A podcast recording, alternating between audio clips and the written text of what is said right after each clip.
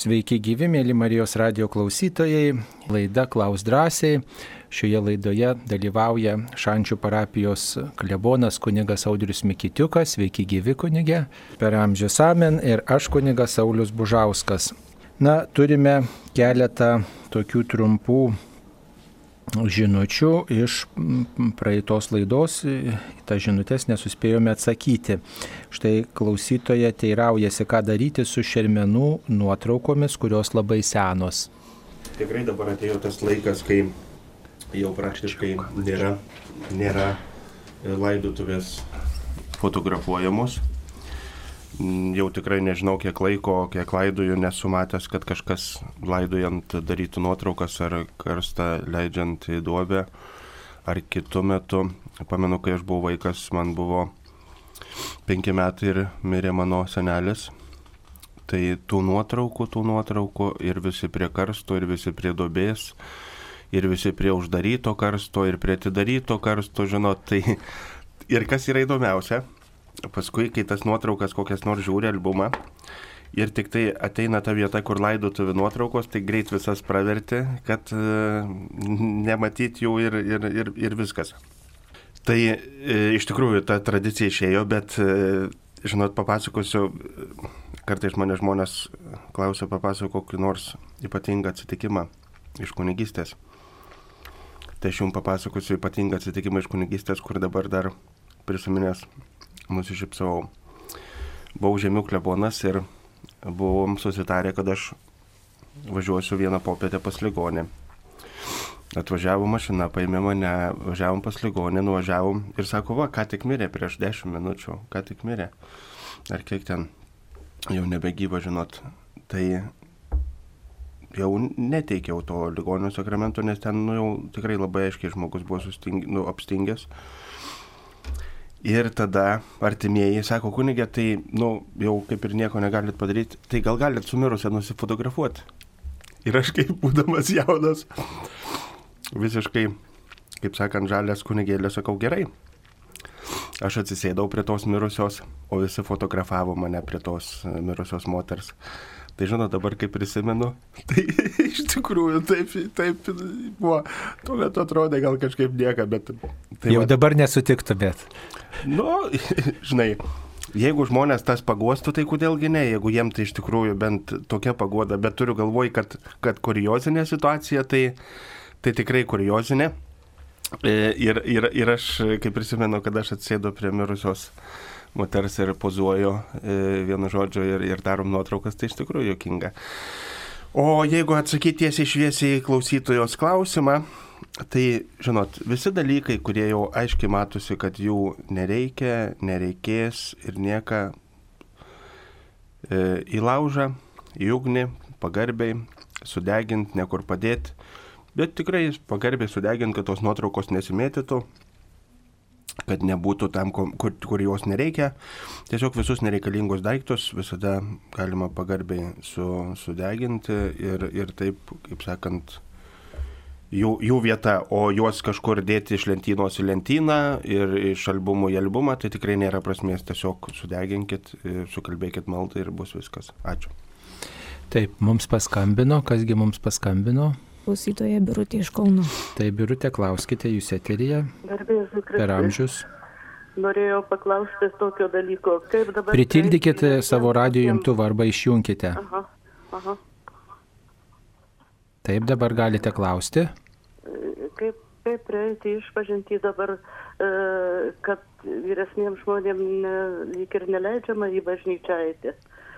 Tai kaip prieiti išpažinti, kur prie komunijos, kaip. Ačiū už klausimą. Nuo sekmadienio jau galima eiti žmonėm į bažnyčias, laikantis atsargumo priemonių, tai reiškia dėvint kaukę, dezinfekuojant rankas, laikantis atstumo.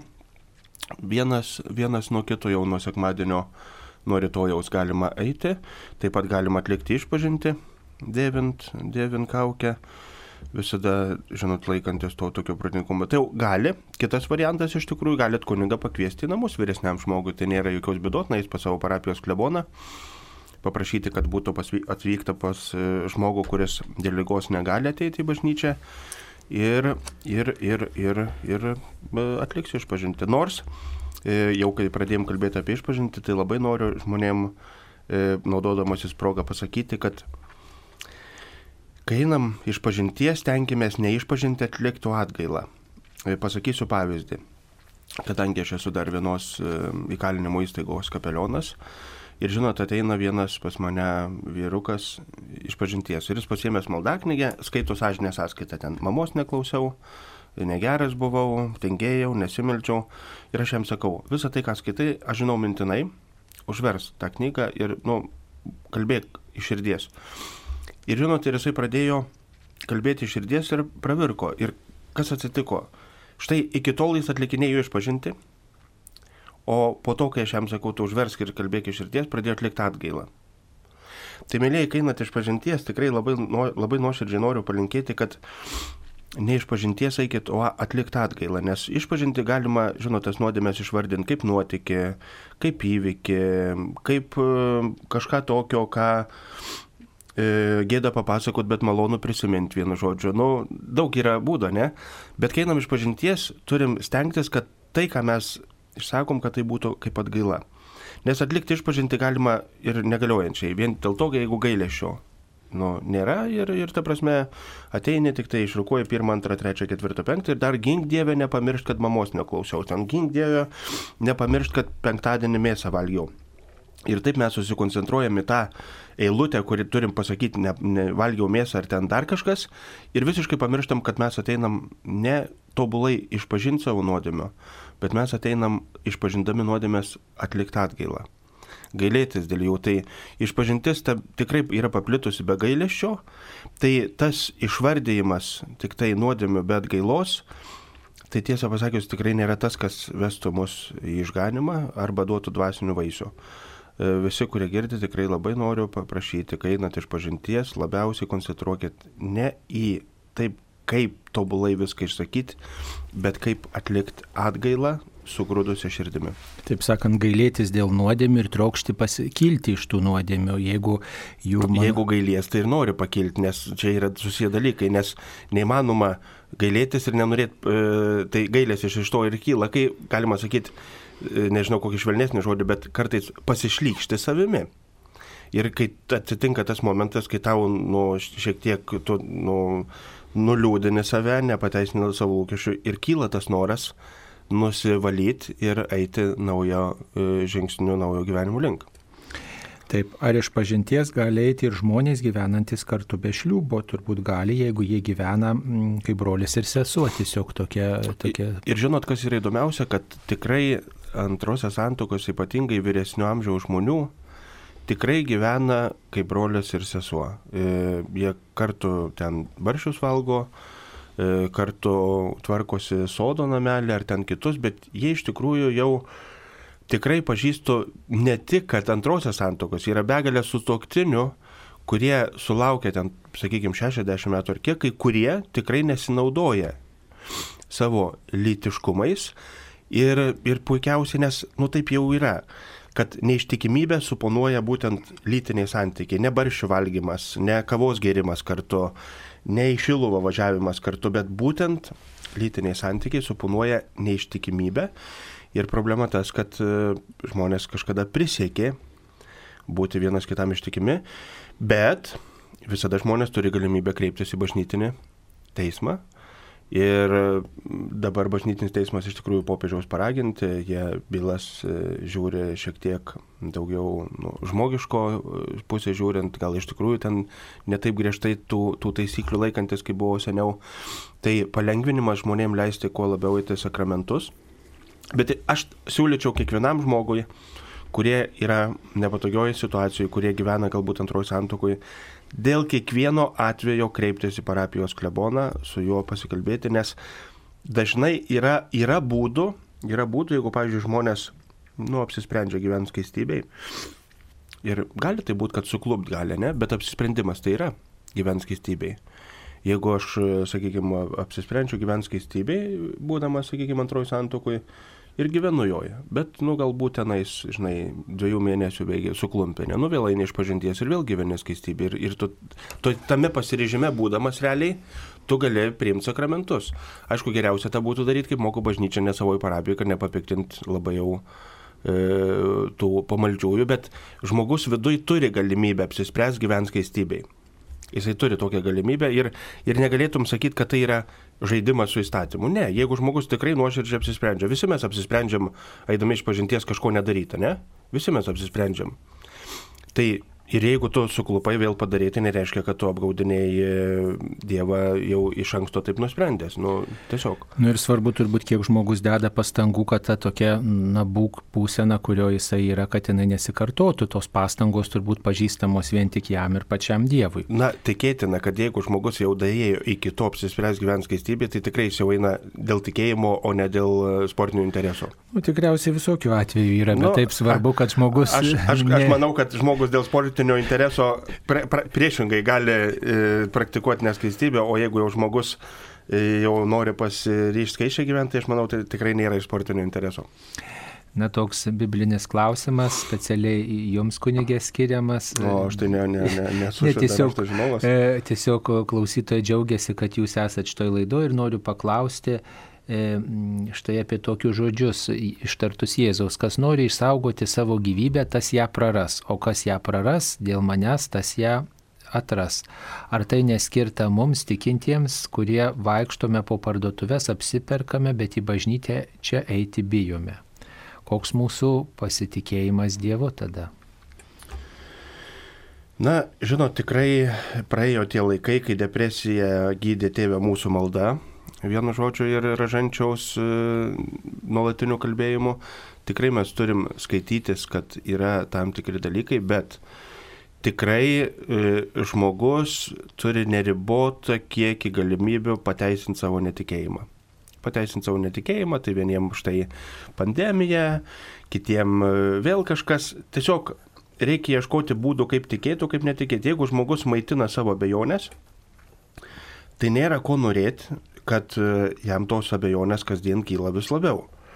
Jeigu žmogus yra, sakykime, tradicinės medicinos gydytojas, tarkime, ne, bet vis labiau gilinasi į kokį nors, sakykime, tik tai homeopatinių vaistų, ne, ir jisai tada nustoja naudoti savo tradicinės medicininiam galiom ir pradeda vietoj to, kad žmogui reikia išoperuoti, sakykime, sanarį, tai jisai jam duoda trauklapį, sako, užsidėk, apsiviniok ir, ir turėtų tau tas sanarys būti gerai. Manau, kad tie gali papildyti tradicinę mediciną, bet negali jos atstoti.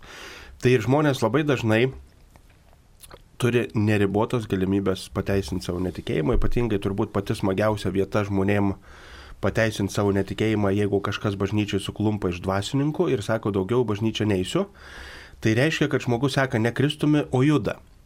Jeigu žmogus sektų Kristų, tai sakytų, štai atsirado neištikimas, bet aš einu paskui Kristų. Ir man, sakykime, judo buvimas, nu, neleidžia man atsiskirti nuo Kristaus. O daugeliu žmonių judo buvimas yra kliūtis sekti Kristų. Ir sako, daugiau aš į bažnyčią neįsiu. Tai reiškia, aš pasilieku su judu. Ir tegu Kristus eina toliau, o aš pasilieku su judu, nes pasipiktinau, vienu žodžiu, bet pasipiktina judu, kam su juo likti. Jeigu pasipiktina judu, tai kaip tik labiau su Kristumi, o žmonės pateisindami savo netikėjimą, lieka su judu, o Kristų leidžia eiti toliau su, su tikinčiaisiais, o žmogus lieka su savo netikėjimu prie judo. Taip, ačiū.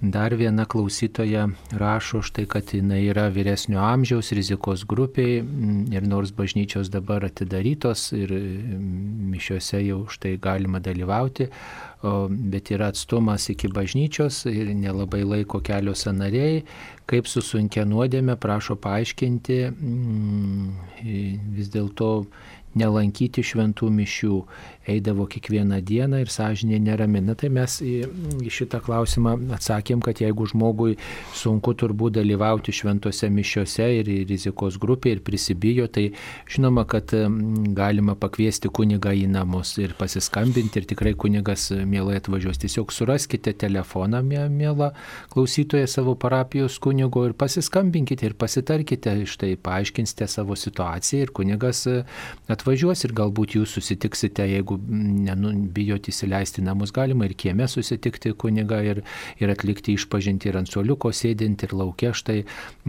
per du metrus tiesiog pasakysit ir, ir tikrai bus išlaikyti visi atstumai, apie kuriuos rekomenduoja, taip sakant, visuomenės įstaigos E, tuo besirūpinančios ir, ir tikrai galėsit priimti komuniją.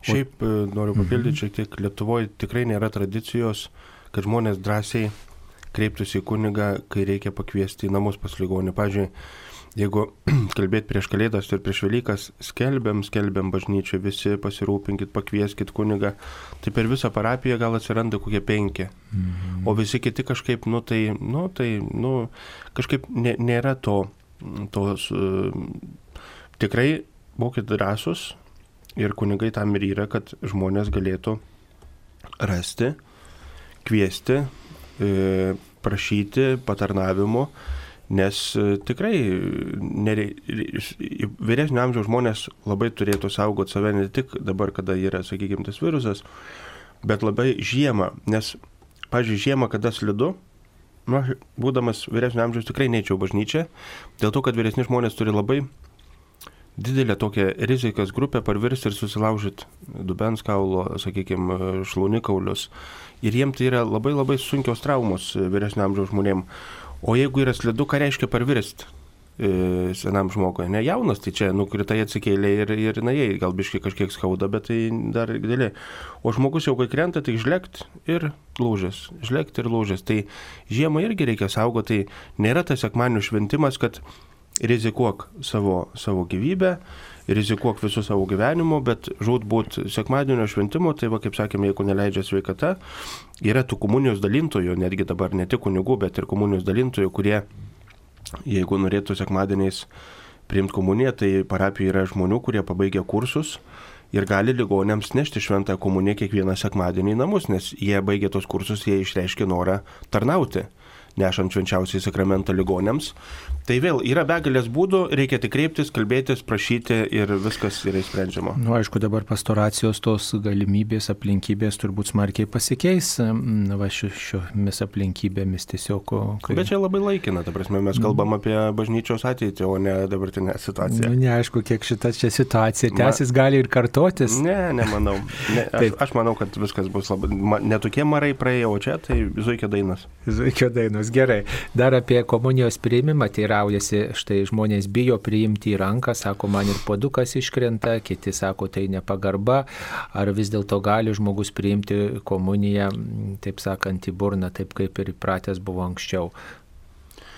Aš tiesą pasakius, mm, per, per tą laikotarpį vis tiek yra bažnyčiai vargonininkas, kiti patarnautai, visada prieš dalindant komuniją e, dezinfekuoju rankas, dezinfekuoju rankas. Ir tiesą pasakius, tikrai labai nedaug atvejų, labai nedaug žmonių per visą tą pusantro mėnesio, nu gal maksimum buvo penki kartai, kai žmogus į ranką norėjo e, paimti švenčiausią.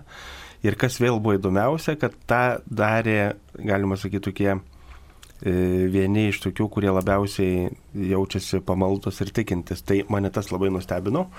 Aš kažkada rašydamas komentarą socialinėme tinkle, rašiau, kad jeigu žmogus, jeigu žmogus suprastų, kas yra Euharistija, tai jis nenorėtų jos priimti nei ranką, nei atsistojus.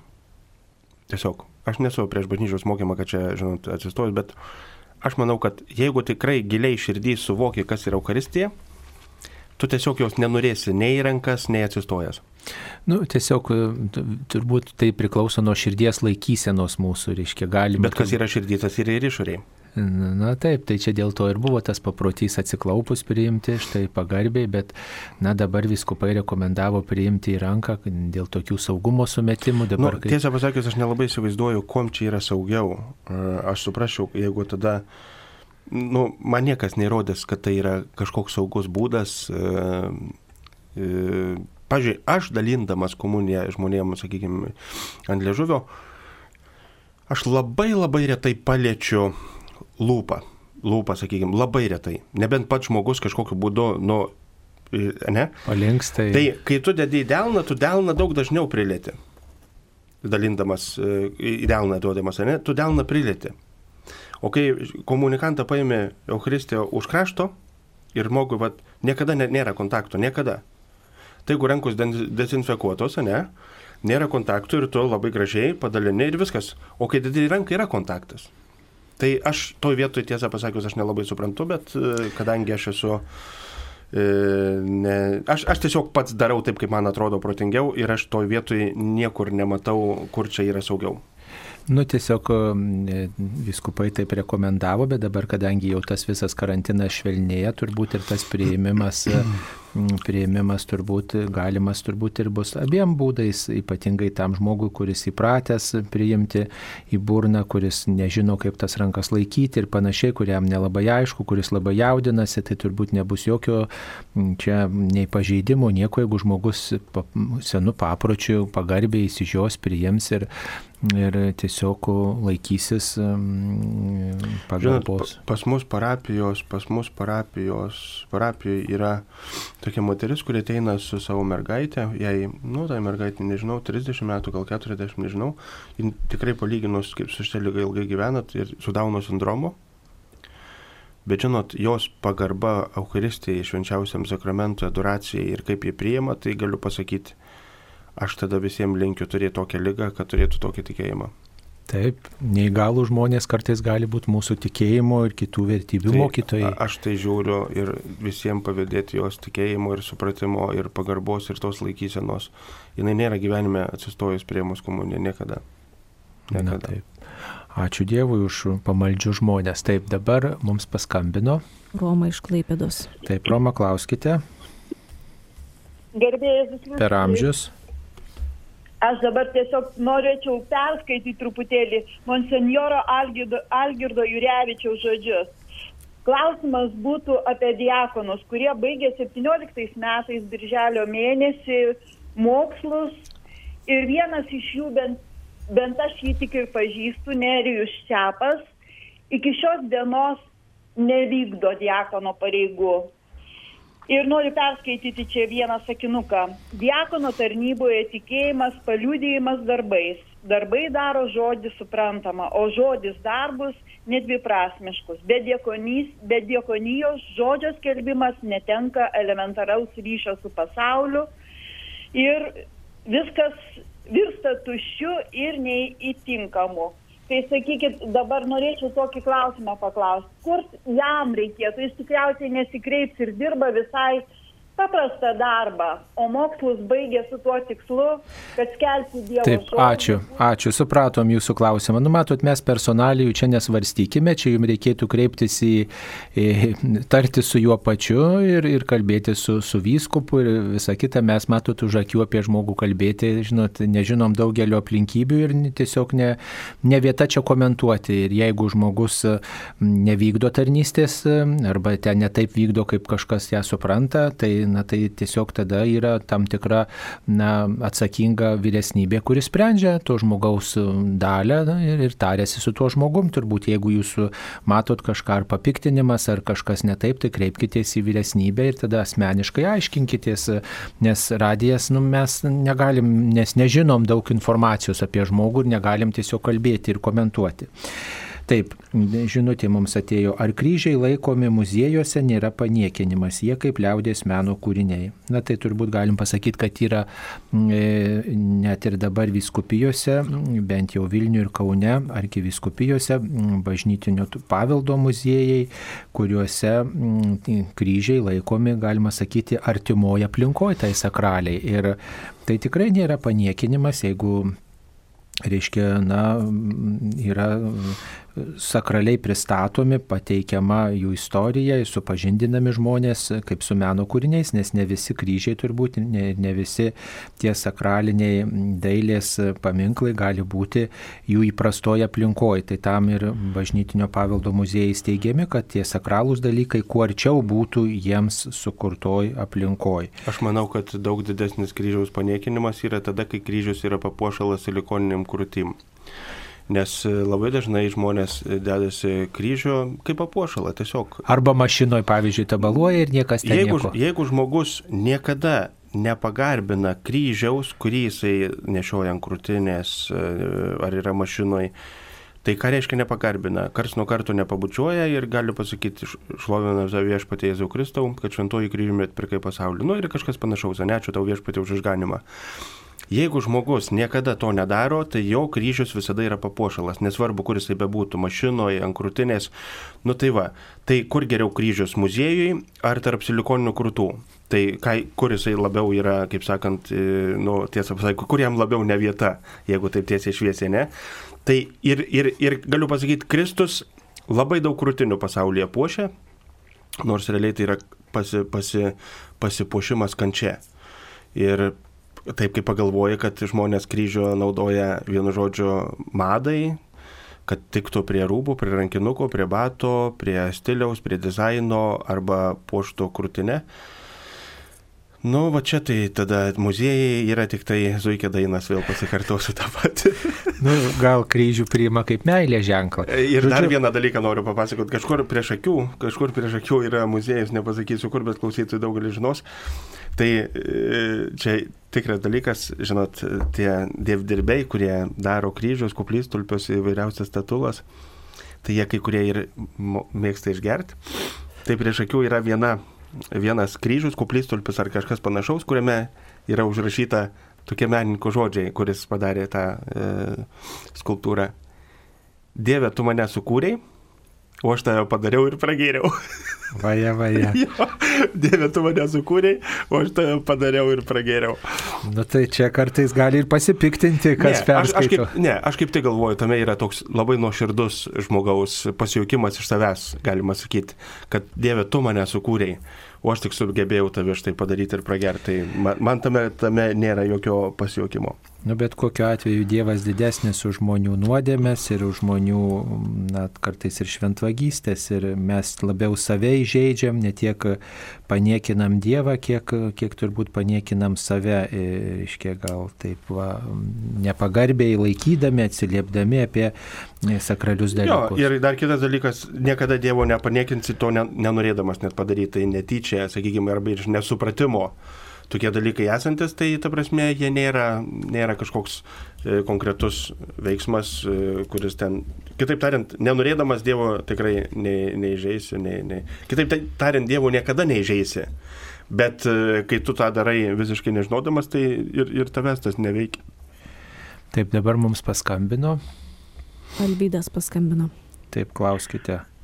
Garbėzui Kristai. Per amžius paklausti tokį ir net pasiteirauti norėčiau dėl pirmos komunijos ir sutvirtinimo sakramento.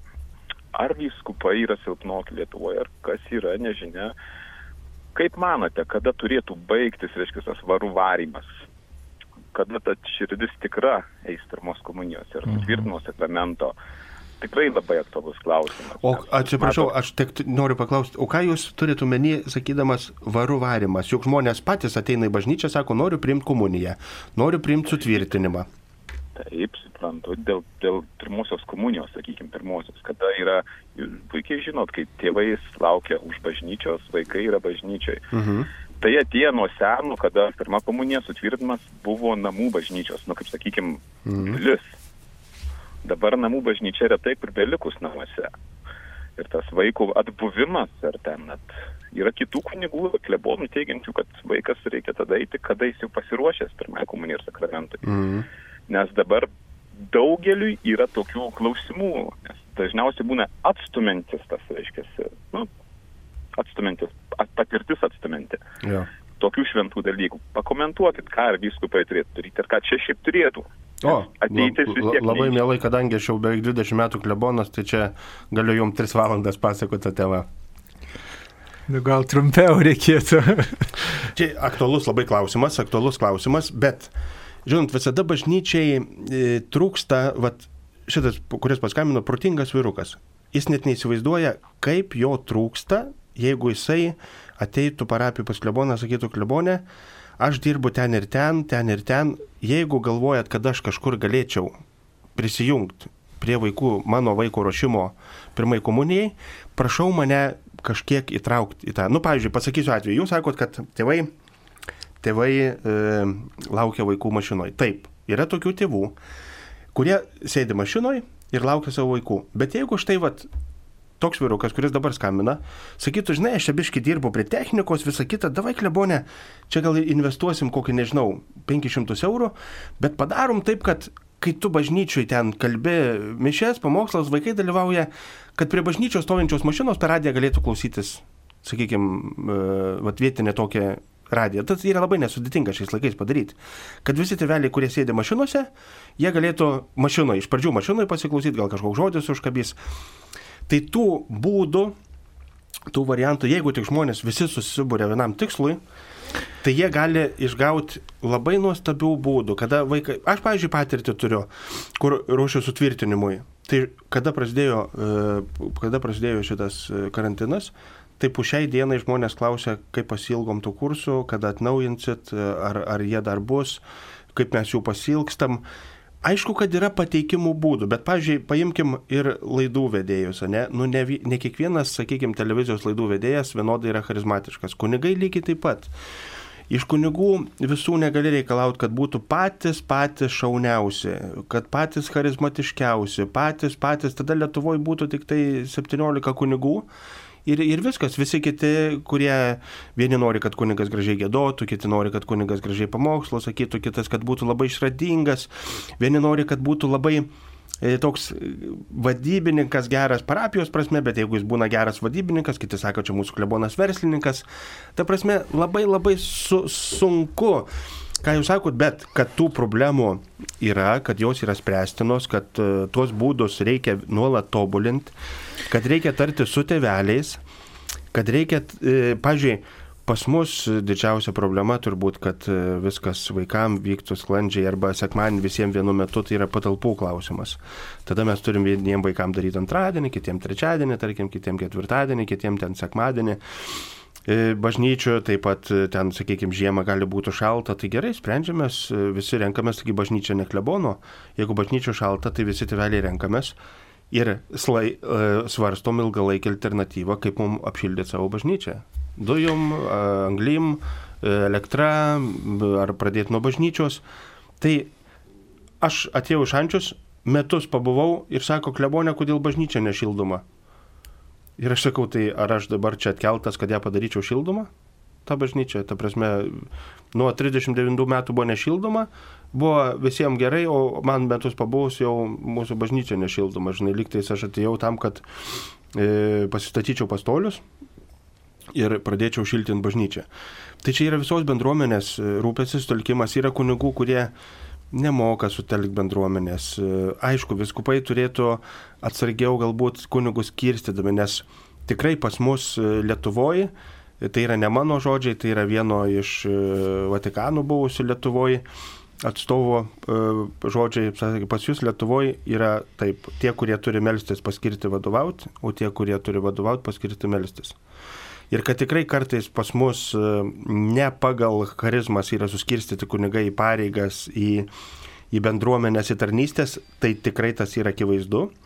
Aš pavyzdžiui esu šiai dienai esu liudininkas vieno paskirimo kunigo, kur, nežinau, aš galvoju, arba viskupas, nežinau, arba visiškai nesigaudo, arba visiškai nepažįsta, arba visiškai nesupranta, kai tas kunigas gali būti mažų mažiausiai tik altarista kokiu nors prie kito kunigo, kuris būtų apskalbtas, išlygintas, ir, ir, ir, o ne ant savęs drapstytų kotletus ir, ir, ir pateną grandytų su peiliu, nes, žinai, ten švenčiausia buvo.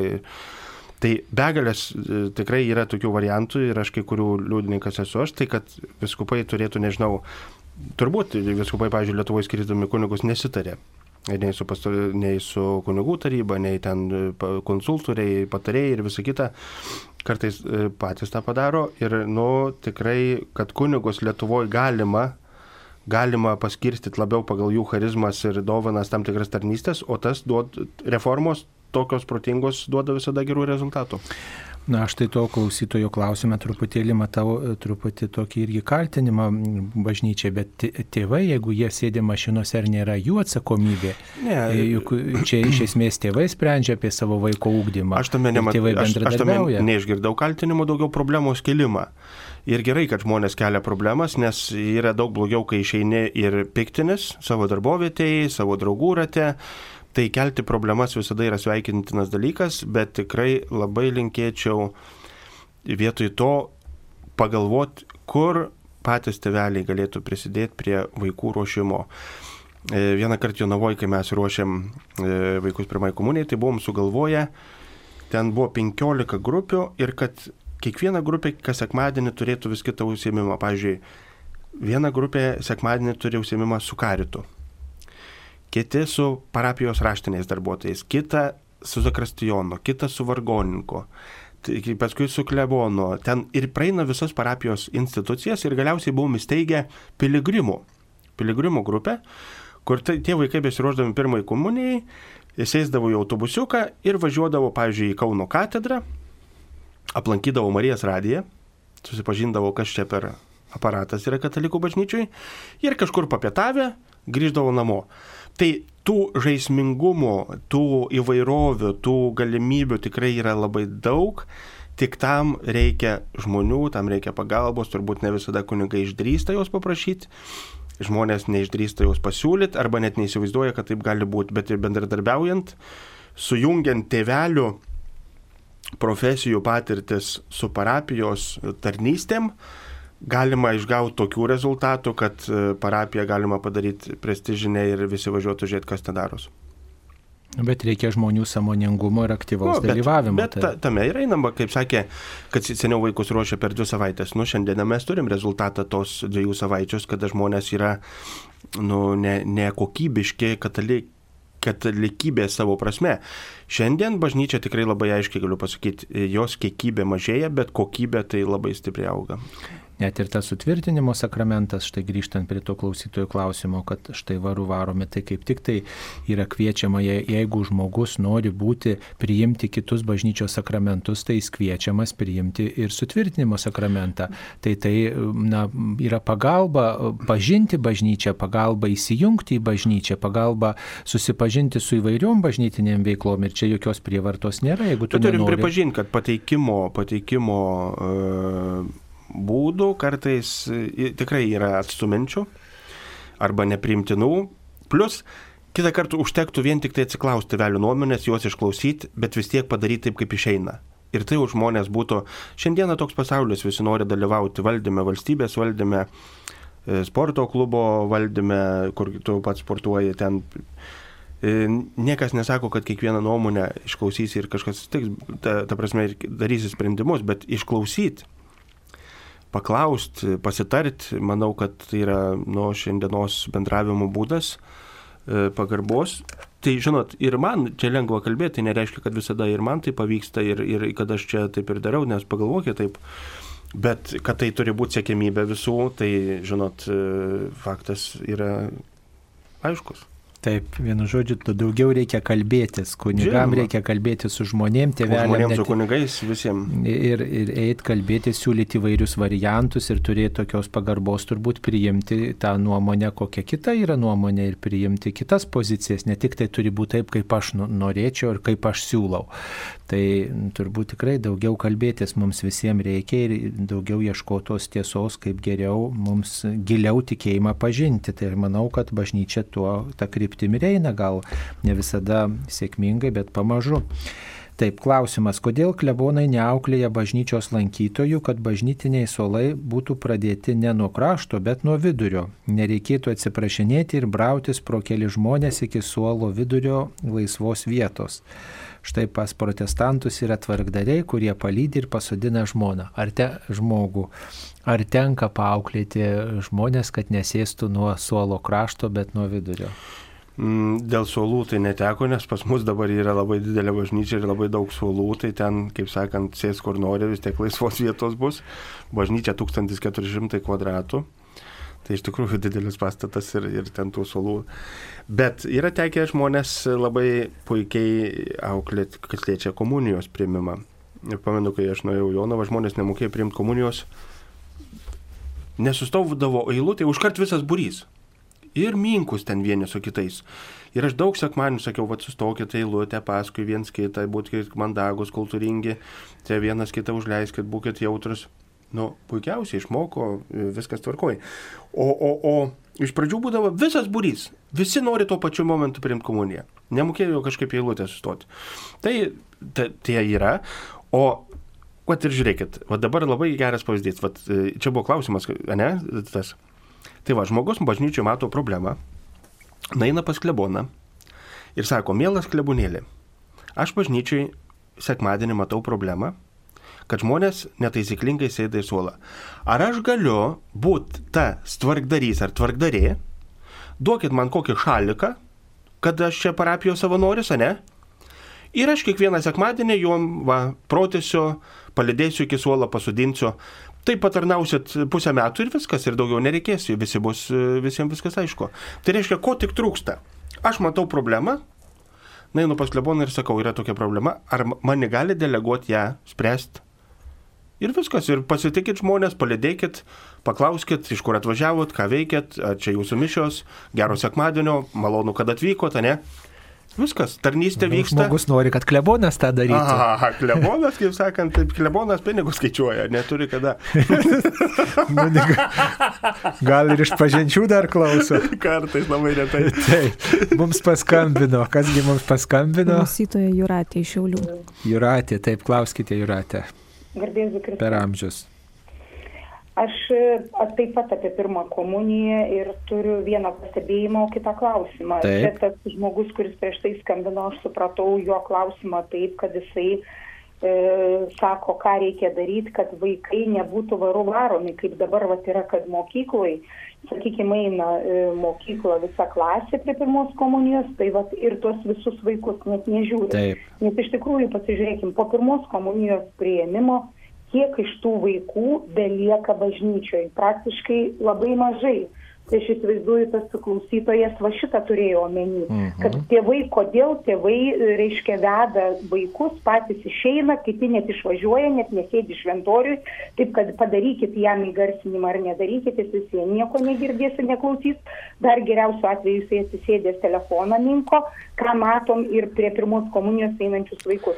Būna bažnyčiose, kad klebonai ar kunigai tiesiog net nesusitvarko su vaikais, nes jų pagrindinis darbas tenai ateis, minkit telefono, e, reiškia, internete ir taip toliau. Jie praktiškai kunigų net nesiklauso. Ir va čia va yra didžioji problema, kaip sudominti tuos vaikus. Jūs teisingai sakėt, kad yra kunigų, bet ne visi dėl pašaukimo eina. Bet va čia to kunigo, kuris tuo metu e, užsijima su vaiku bažnyčioj, su visais vaikais einančiais, kažkaip tai reikėtų padaryti. Miela Ar pasakyti, kad visiškai nesineštų jie telefonų ir panašiai. Dabar tai čia va toks va pastebėjimas. Ar galėčiau labai trumpai replikuoti jums šitą O- klausimą? Ir turiu klausimą dar vieną gal. Tai klausimą pasakykit. Ir klausimas, kadangi šiais metais va šitoks e, e, nuotolinis mokymasis mokykloje ir vat konkrečiai mūsų šeima tą liečia, e, vaikas negali dabar eiti nei tas pamokėlės e, tikybos, nors mes ne iš tų, kur ateina ir, ir išvažiuoja, nes mes tikrai einam kiekvieną sekmadienį, tai kaip dabar vyks e, tos pirmos komunijos prieimimas ir ar čia bažnyčia ką nors planuoja, nukelt, ar, ar kažkaip nesisien eina komunija, tai kunigai vis vien duos. e, Taip, supratom, supratom, supratom apie pirmos komunijos šventę. Taip, Na- kunigė, kaip planuojat pirmos komunijos šventę? Aš pradėsiu gal nuo, nuo Pastabos. Nuo pastabos. Visų pirmiausia, tas varu varo. Tikrai taip niekur nėra. E, Mokyklose, kada prasideda rugsėjo pamokas, vaikai užsiregistruoja tie, kurie norės priimti pirmą komuniją. Ir dažniausiai pusė klasės užsiregistruoja, pusė klasės neužsiregistruoja. Tai tie, kurie užsiregistruoja, tai jie lanko užsimimus iš sekmadienį lanko bažnyčią. Kaimuose gali ir būti ten, sakykime, kad visa klasė kažkokiu būdu, ten susitarė ne, ir visą kitą. Jeigu ten vienas vaikas prieštarauja, sako, ai, tu patilėk, čia viskas tvarkysim už tave, ne? Gal ir yra, bet tai nėra visuotinės reiškinys, kad ką aš pradėjau daryti, kai aš buvau klebonu vienu momentu, buvo tai, kad ateina žmogus į bažnyčią ir sako, mane per prievartą pakrikštijo, aš dabar noriu atsakyti krikštą, ne? Ką reiškia per prievartą? Per prievartą tai reiškia, ateini, prirakina tave prie radiatorių, vienu žodžiu dar keturi laiko ir per prievartą tave krikštė. Niekas tave ne per prievartą atnešė tavo tėvai, tavo krikšto tėvai, tavo seneliai, tai tu jiem reiš pretenziją, o ne kunigui, sakykime, kuris jau seniai miręs, kuris tave krikštijo. Ir dabar, kad mane per prievartą, tai čia su tėvais turi spręsti, o ne. Tai ką aš pradėjau daryti? Aš pradėjau daryti, kad tėvai pažiūrėjau, prašydami krikšto rašytų prašymą. Kada aš ten toks ir toks, tokie ir tokie, prašome, kad mūsų vaiką pakrikštytumėt katalikų bažnyčios apieigomis. Vienu žodžiu, ir jų tą prašymą segu į archyvą. Segu į archyvą, kad žmonės prašytų prašymą. Tai tas prašymas, paskui jeigu žmogus toks ateitų, sakykime, pasakyti, kad jį pakrikštų per prievartą, tu jam ištraukė tėvų prašymą ir sakai, žiūrėk, mielasis, tavo tėvelio raštas, parašai, jie prašė labai gražiai ir mes tą padarėm. Ta prasme, čia ne, ne, nebuvo jokios prievartos, kur tu ją matai. Tai va, vienas dalykas. Lygiai taip pačiai būtų labai sveika, kad tėvai rašytų prašymą e, visų, visų ir sakrament, pažiūrėjau, pirmos komunijos. Prašau mano vaiką paruošti pirmąjį komuniją pagal katalikų bažnyčios nuostatas, ne? Vardas, pavardė, parašas. Nu ir kas, kokia čia tragedija? Jokios, prašau, kaip vienu žodžiu, aš kaip fizinis asmuo prašau tam tikros bendruomenės, kuri įdėtų pastangų, kad mano vaiką paruoštų. Žmonės visur rašo prašymus, vaikai burelius stoja, rašo prašymus, ten prašau, ten begalės kitų dalykų.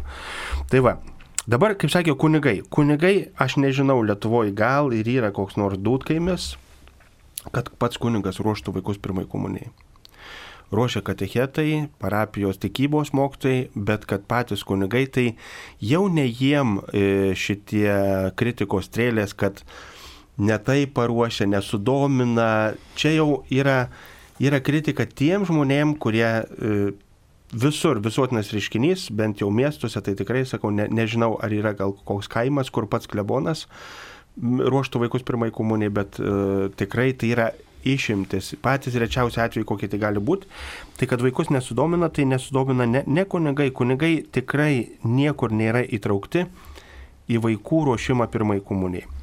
Toliau. Vis tiek būna susitikimų, būna su kunigu. Nu, turbūt. vienas, du susitikimai, sakykime. Nu, va, gal ir tas ir užtenka, kad jau daugiau mm. kojos nekels. Nu, labai įdomu, jeigu vaikai taip nori, nori į bažnyčią, bet po susitikimo su kunigu ne vienas nenori eiti į bažnyčią.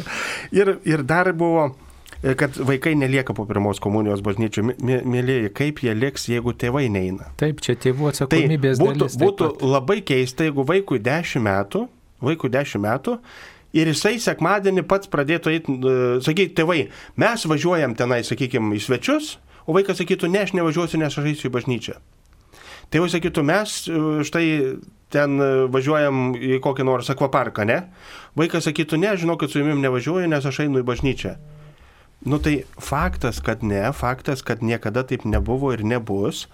Ir, ir kad vaikas paprieštarautų šeimos veik, veik, veiklai, sakytų, aš su jumis nevažiuoju, nes aš eisiu į bažnyčią, jeigu eina šeima, tai ir vaikas eina, jeigu neina šeima, tai ir vaikas neina. Tai kad, kad jisai vienas po pirmos komunijos kažkokiu stebuklingu būdu atgimtų iš šventosios dvasios taip, kad jisai pasipriešina tėvam, močiutėjai, ir, ir vis, visai giminiai ir sekmadienį jau 8 val. mišiuose, nu, mėlyje, būkim dėdini, bet teisingi.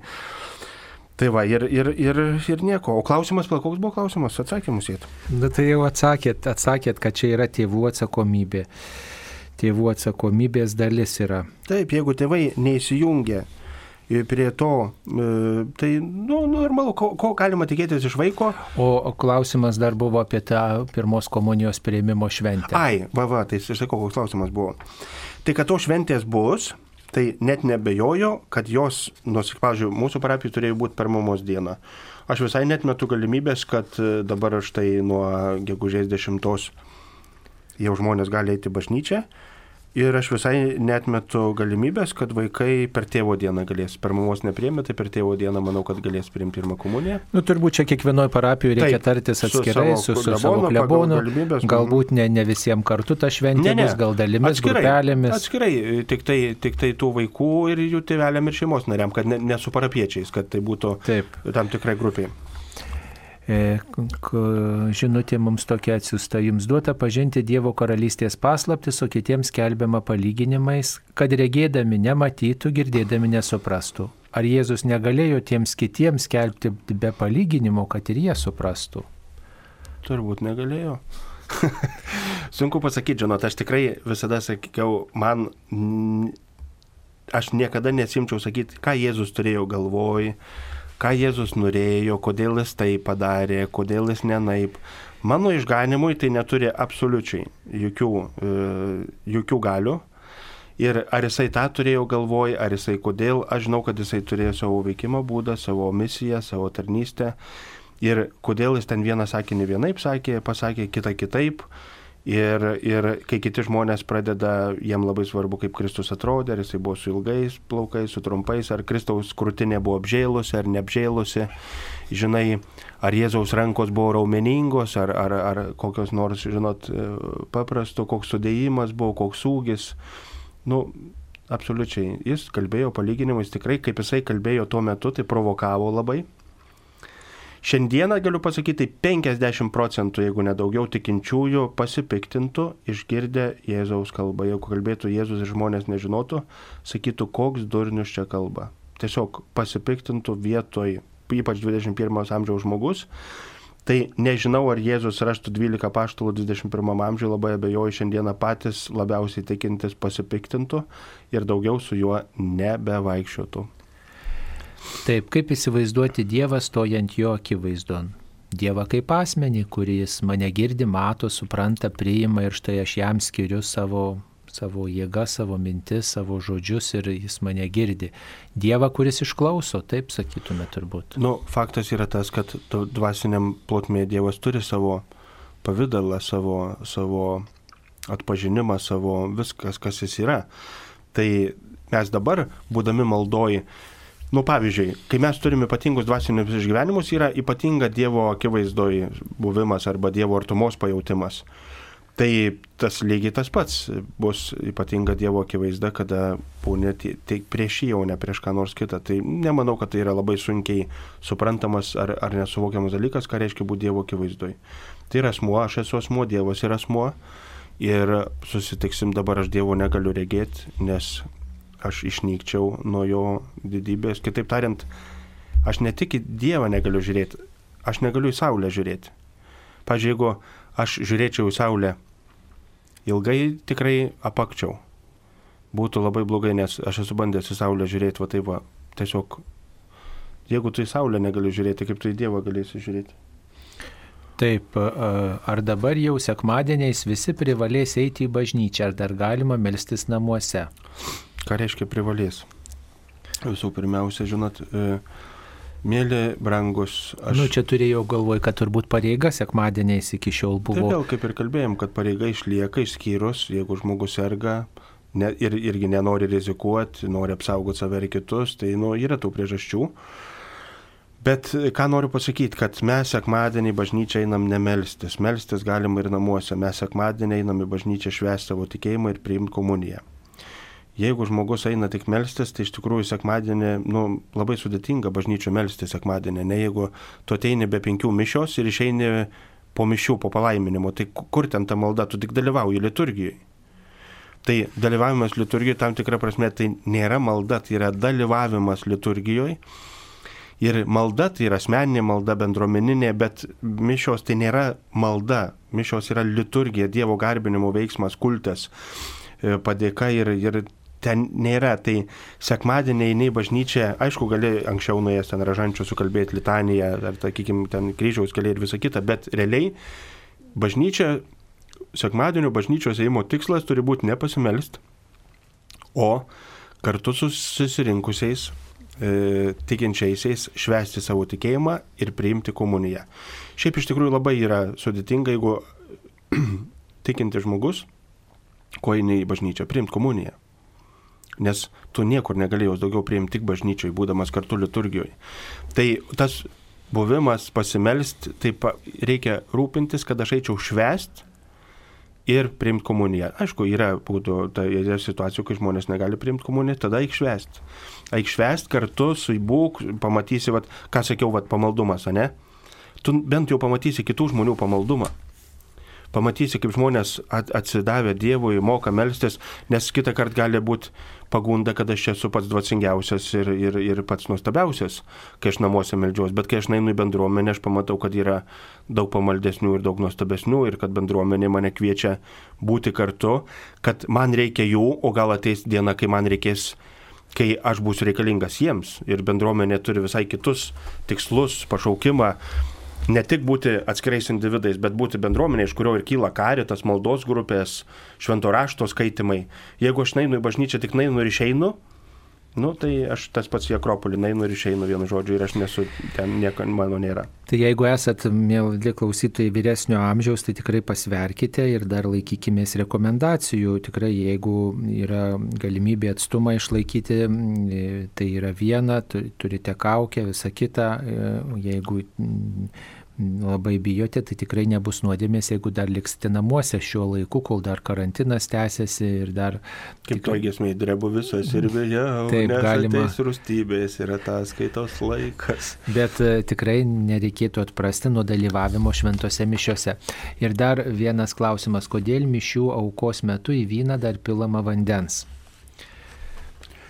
E teologinis, tai yra mano e, įsitikinimu, kai Jėzui perdori šoną, kad ištekėjo tą plazmą, kad ištekėjo vandens, tai štai tas kraujas, kuris e, pradurta krūtinė, o šiaip aplamai yra tradicija atskiesti vyną, jeigu taip žiūrėt būtinė prasme.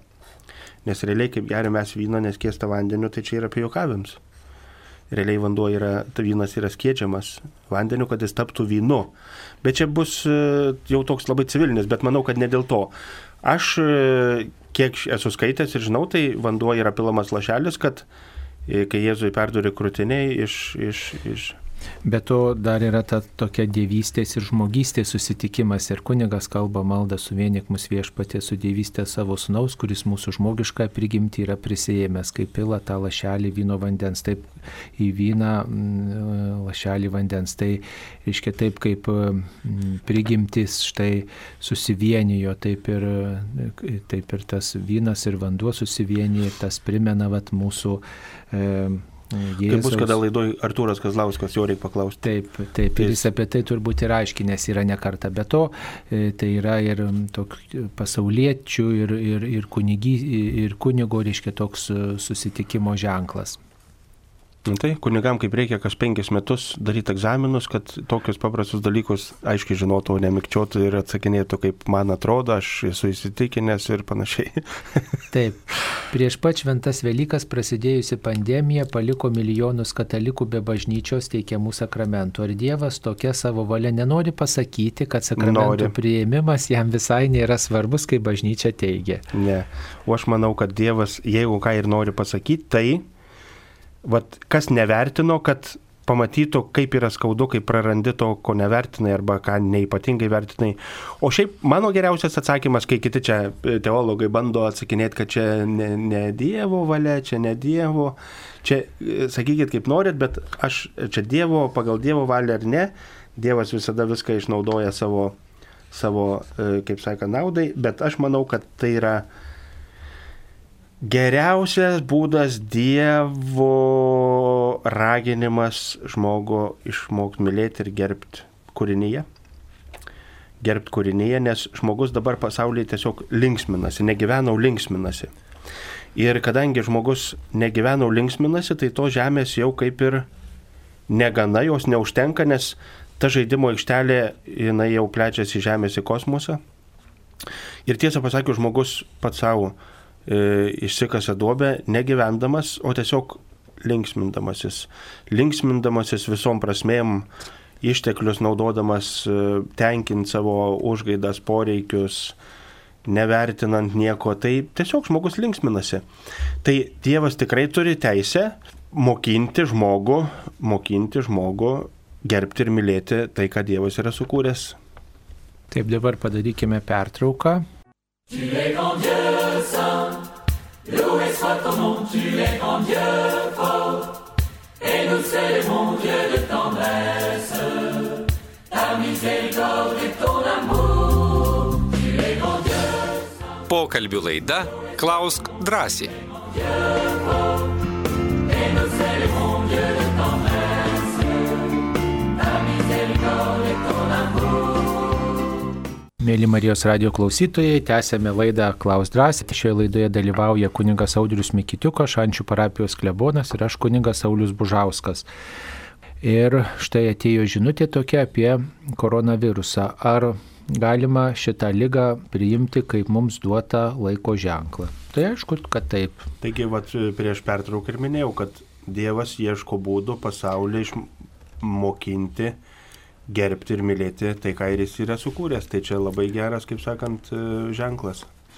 Taip, norėčiau sužinoti jūsų nuomonės dėl giminės kapavietės sumažinimo, dalį paliekant, e, palaidoti prieš antrąjį pasaulinį karą ir dėl kremavimo praktikuojančiam katalikui. E, šiaip, kas liečia kapus, bažnyčia absoliučiai, absoliučiai neturi E, kaip čia pasakyti, galios, pažiūrėjau, Švedijoje, tai visos kapinės yra bažnyčios nusavybė, visos. Pas mus visus kapų reikalus tvarko seninijos, tai reiškia civilinė valdžia. Ir žmogus nori padidinti, pamažinti, dar kitaip, tai yra visiškai e, tik civilinės valdžios padidinti, aišku, gal, o jeigu sumažinti, tai čia, žinot, nereikia nieko netleidimo paimti ir sumažinti tos bortelius. Nu, tiesiog galbūt e, mano žmogus, kad ten palaidoti artimieji, o štai jie liks tarsi už borto, mat, nekapavietė, tai jaučia gal sąžinės priekaištą. Tai jeigu jie liks už borto, tai nuo to šalčiau jiem nepasidarys, ta prasme. Svarbiausia turbūt, kad melstumėtės už tuos žmonės ten palaidotus, o ten kapavietę tai, pagarbiai sutvarkysite nieko ten. Na nu, dabar žiūrėkit, o, o kur kapavietės tų žmonių, kur per karą šaudė surištom rankom ir su buldozeriais į duobę ir, ir visus užlygino. Tai, nu, kai turim galimybę, tai gerai, mes turim tos kapus, jo artimųjų tuos tvarkom, bet, bet čia šiuo atveju, kaip juos puošti, kokie turi būti dydžio, dizaino, stiliaus, tai čia tikrai niekas nereglamentuoja. Tai yra, aš manau, kad kapas vis tiek jis turi būti katalikiškai kuklus jis net, neturėtų būti kažkaip, kad parodyti, kad mes galim sauliaisti, kad žmogus užsidirbo. Nu, tai žinot, man tai iš vis, kad žmogus užsidirbo, nu tai kad užsidirbo, tai dabar čia anegdotą reiktų papasakoti, kai vyras, vyras turėjau labai daug pinigų ir žmona sakė, kai aš numirsiu, tai man visus pinigus sudėk man į karstą vienu žodžiu, kad aš visus pinigus turėčiau prie savęs. Nu ir ką žinai, palaidojo vyrą, tai ta žmonos draugė sako, tai vyrui sudėjai pinigus į, į, į, į karstą. Sako, ne, pinigus padėjau banką, bet vyrui padariau kurtelę bankui ir įdėjau kišenę, tai kur reikės, tai jos pasinaudojo. Nu, kūrybingas būdas, žodžiu, ištesėti įsipareigojimą vyrui. Tai. Nu va, dabar dar reiktų atsakyti į žinutę apie kremavimą praktikuojančiam katalikui. Reikia pasakyti, kad bažnyčia teikia pirmenybę laidojimui kūno. kūno, o jeigu jau nėra tokios galimybės, tai tada galima ir urną laidoti, bet tada laidotuvės nėra vadinamos iškilmingomis. Šiaip aš galiu pasakyti asmeniškai, kadangi vis tiek parapijų dirbam ir kars nuo karto reikia laidot. Išsigimsta labai laidotuvių e, apėgos ir tradicijos. Dabar įsivaizduokit laidotuvės. Jeigu žmonės yra urna, tai žmonės dažniausiai neima katafalko. Jeigu neima katafalko ir urna, tai nereikia ir gedorio. Ir gaunasi taip, kad laidotuvėse tik vienintelis kunigas, kur urną veža kažkas ant kelių kažkokiam opelį arba BMW automobilyje, kunigas vėl išlipi tuose kapuose tylu, nei gedorių, nei katafalko, nei kas neša ir visiškai dinksta ta e, sudėtis laidotuvio, ko ten reikia, kad būtų. Ir, pažiūrėjau, vis tiek, kai važiuoja katafalkas, tai visi labai aiškiai mato, kad čia, nu, procesija laidotuvė ne per miestą. O jeigu ne, nevažiuoja katafalka, vien tik civilinės mašinos, tai, nu, Ir žinot, tiesą pasakius, emocinė prasme yra labai, man asmeniškai yra labai sunku laidų turną. E, bet aš, aš jeigu, pavyzdžiui, mano asmeninė nuomonė, tai aš esu prieš e, kremavimą, išskyrus tam būtinus atvejus, kai žmogus, pavyzdžiui, po avarijos sumaitotas, rastas paskendęs, po gaisro. Ir plus dar padeda labai e, kremavimas, jeigu miršta vienas iš tėvelių ir yra mažų vaikų. Tai nes e, tada, kai būna mažų vaikų, tai vaikai ateina prie to kartu ir sako, mamytė, kelkis einam namo, žinai. Tai tas, tas e, kad, kad urna sumažina gedulą, tai čia faktas. faktas. Bet gedulą reikia ir išgyventi, paskui tikriausiai psichologai pastebi, kad būna, gali būti tokių problemų. Kaip... Negali. Vienu žodžiu, turiu galvoj patį tą, koks gedėjimas yra prie kūno ir koks yra prie urnos, tai yra visiškai skirtingi dalykai. Taip. Tai, tai, tai yra, tai Dar gali būti, jeigu žmogus, sakykime, jaunas miršta ir tikrai, kad ten eis iki alpimų ir, ir sąmonės praradimų, tai kremavimas irgi labai stipriai sumažina gedulo e, stiprumą. Taip mums paskambino, kasgi mums paskambino. Renata iš Vilnius. Taip, Renata, klauskite. Gerbėsiu Kristų. Per amžius. Aš turiu tokį klausimą. Mes turėjom tokią diskusiją su mūsų parapijos jaunimu apie skaistumą ir išėjo tokia diskusija apie masturbaciją. Jaunas vaikinukas, 19 metų, ištikinčios, praktikuojančios šeimos. Nu, ir jo manimų dabar apie masturbaciją daugybė yra psichologinių tokių veikalų, e, kurie sako, kad tai nėra blogai ir kad tu tiesiog psichologiškai atsipalaiduoji, pašarini tą sprogimą, kuris galėtų vykti tavyje. Ir kokie būtų bažnyčios argumentai, kad tai yra blogai, kad, nu, nepaisant to, jis sako nuodėmę, bet kodėl jis tokių argumentų iš tiesų nesulaukia. Tai va, aš kunigaudriaus norėčiau iš tiesų paklausti, kokie jūsų būtų argumentai paaugliško amžiaus vaikinui, kuris dar yra paauglys, kuris neturi antros pusės ir jis kuris mano, kad tai yra, na, tik tiesiog psichologinis toks dalykas, įtampos nenimas. Taip, supratom, supratom. Na, žinot, visų pirmiausia, pažiūrėjau, kai aš buvau paauglys ir pradėjau bręsti, tai nulis buvo informacijos apie bet kokį lytinį ugdymą. Aš būdamas paauglys net nežinojau nei, nei, nei kas tas yra, nei kas ta masturbacija, nei, nei su kuo jinai valgoma vienu žodžiu, absoliučiai, man net dabar vaikai tai jau iš tikrųjų turi ugdymą. Ir nelytinį švietimą, bet ugdymą, tai reiškia atsakinga, e, atsakingas elgesys su savo lytiškumu, kad e, būna, sakykime, tų ejakulacijų ir nevalingų, kada žmogus miega arba, sakykime, sportuoja, kažką kitą veikia, tai organizmas vis tiek jisai tą, tą turi manau, kad ir vyrai, ir, ir, ir moteris, ir mergaitės, kad tai yra atsakinga, per lytiškumą žmogus gali būti arba labai palaimintas, arba tuo pačiu ir labai prakeiktas. Nes tai yra labai intimu kaip malda, dėl to, kad e, šiaip žmogus, pavyzdžiui, labiausiai gali būti ir įvertintas per lytiškumą, ir pažemintas. Pavyzdžiui, sutoktiniai, juokdamėsi vienas iš kito lytiškumo, gali labai pažeminti vienas kitą, labai giliai sužeisti. Lytiškumas yra kažkas tokio, Lukaševičius taip ir yra pasakęs, per tai yra ir palaiminimas, ir gali būti labai didelis prakikimas. Išmokti gerbti savo kūną yra daug būdų, tame tarpe yra ir atpažinti savo litiškumą, su juo skaitytis, kad kartais, kad kartais litiškumas yra, sakykime, labai stipriai padarytas tabu, pavyzdžiui, ir, ir, ir, ir kad ten vos ne kažkas, kažkas sudegsi pragare. Nu, šiandien rytą važiuodamas į laidą per žinių radiją m, mm, kalbėjo moteris apie besikeičiančių žmonių kūnus, apie tai, kaip, kaip jie veikia, ko, kad jie formuojasi, kad jie ruošiasi gyvybei. Tai litiškumas faktas yra tas, kad yra labai didelė jėga, kad, kad ją reikia ugdyti su ją atsakingai elgtis, o ne bet kaip, nes taip žmogus save nuvertina, žmogus nedaina iki, iki tam tikro suvokimo, bet vėl tai yra sėkmybė, faktas, kad tai yra sėkmybė ir mes galim apie tai kalbėti, bet tų iššūkių ir, ir tų problemų visada, visada liks ir, ir žmogus tiesiog yra lytiškas.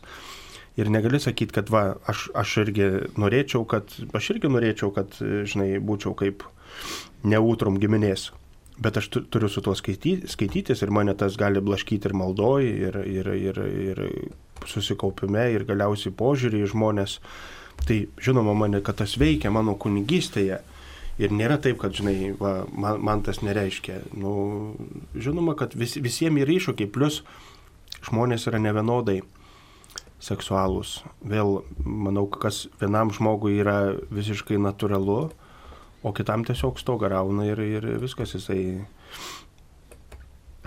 žiūri į, į, į kokį nors šventą paveiksliuką, o mato nuogą žmogų. Tai, tai irgi yra įvairiausių dalykų, bet čia vėl yra skirtingumai, reikia dvasiniam gyvenime iš tikrųjų tame, tai neturi būti kažkas tokio, ko nereikia kalbėtis apie tai per išpažinti, per dvasinius pokalbius, nes žmogus turi aukti visame kame.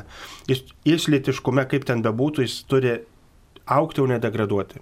Tai tas litiškumas, kaip jisai besiformuotų, sakykime, arba kad žmogus žinotų, kad tai yra garbingas žmogaus sakykime, sudėdamoji dalis, e, funkcija, kuri, kuri yra Dievo duota ir, ir su ją reikia tikrai ir, ir pažinti, ir, ir, ir ne bet kaip, vienu žodžiu, nes tai yra jėga, kur žmogus, štai mes matėm, kai žmogus nevaldo lytiškumo jūrbarkė, tas, kur mergaitė daužė, žagino, vienu žodžiu, ir, ir tai štai lytiškumo apraiškos, kurios yra nevaldomos. Tai yra, yra apie tai kalbėti reikia ir, ir, ir žmonės šviesti, kad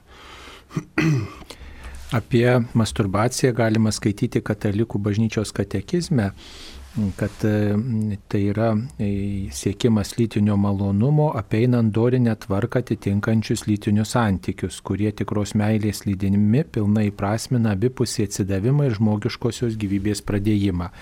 Kitaip sakant, tai mm, yra susiję su tokiu egoizmu, dėl to tai e, neteiktina, bet to tai yra tam tikras toks fantazijos skatinimas ir, taip sakant, svetimavimas. Dažniausiai žmogus žiūri į, į kitą asmenį arba į jo nuotrauką ar į kažkokius filmus ir tada tai yra na, tam tikras toks geismas, skatinamas e, ir vaizduotės žadinimas, įsivaizdavimas artimų santykių su tuo žmogumi, kuris tai ten tuose vaizduose yra atvaizduotas. Tai tam tikras neištikimybės yra mokymasis, tam tikras toks lengvabudiškumo ieškojimas, taip pat tai yra e, vis aštresnių pojūčių ieškojimas ir e, tokiu būdu statome į pavojų savo santykius, ateities santykius ir tokiu būdu mes e, galbūt sunkiau užmėgsim santykių su kitu žmogumi ir, ir priimsim kito, kitoniškumą. Tai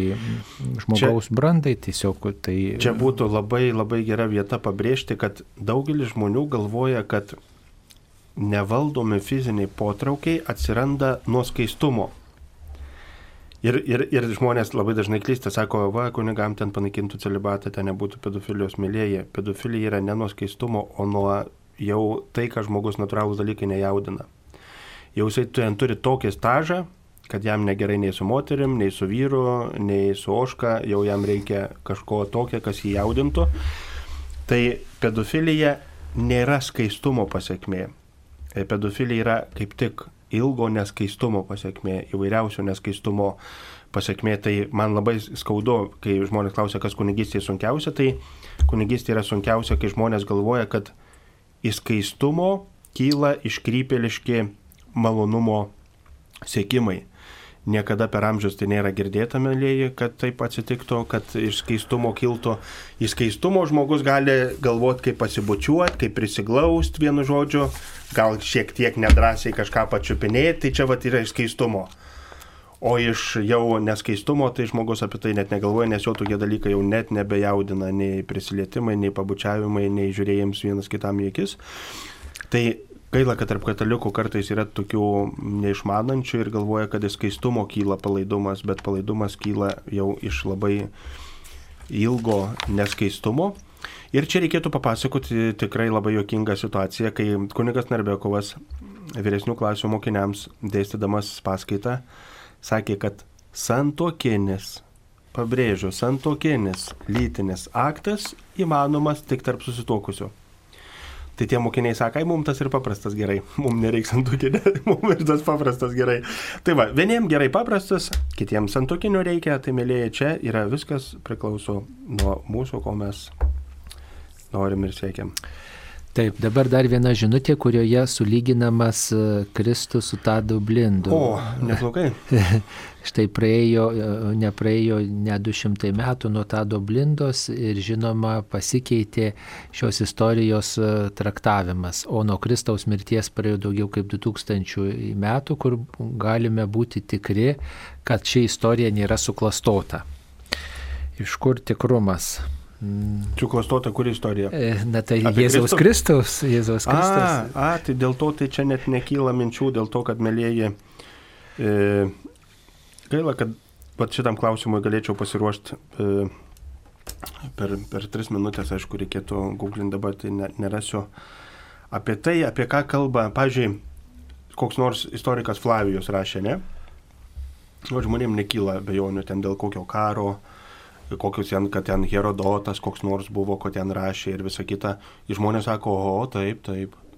Tiek, kiek yra prirašyta apie Jėzų įvairiausiom kalbom, kiek yra kopijų, koks yra apie nieką tiek pasaulyje nėra apie jokį kūrinį, apie jokį karą, apie jokį įvykį, apie jokį karalių, apie jokį... apie nieką. Tai aš gaila, kad aš dabar taip greit nerasiu pacituoti iš tikrųjų ten tų šaltinių, kopijų ir, ir laikotarpių tarp įvykių ir tų aprašymų.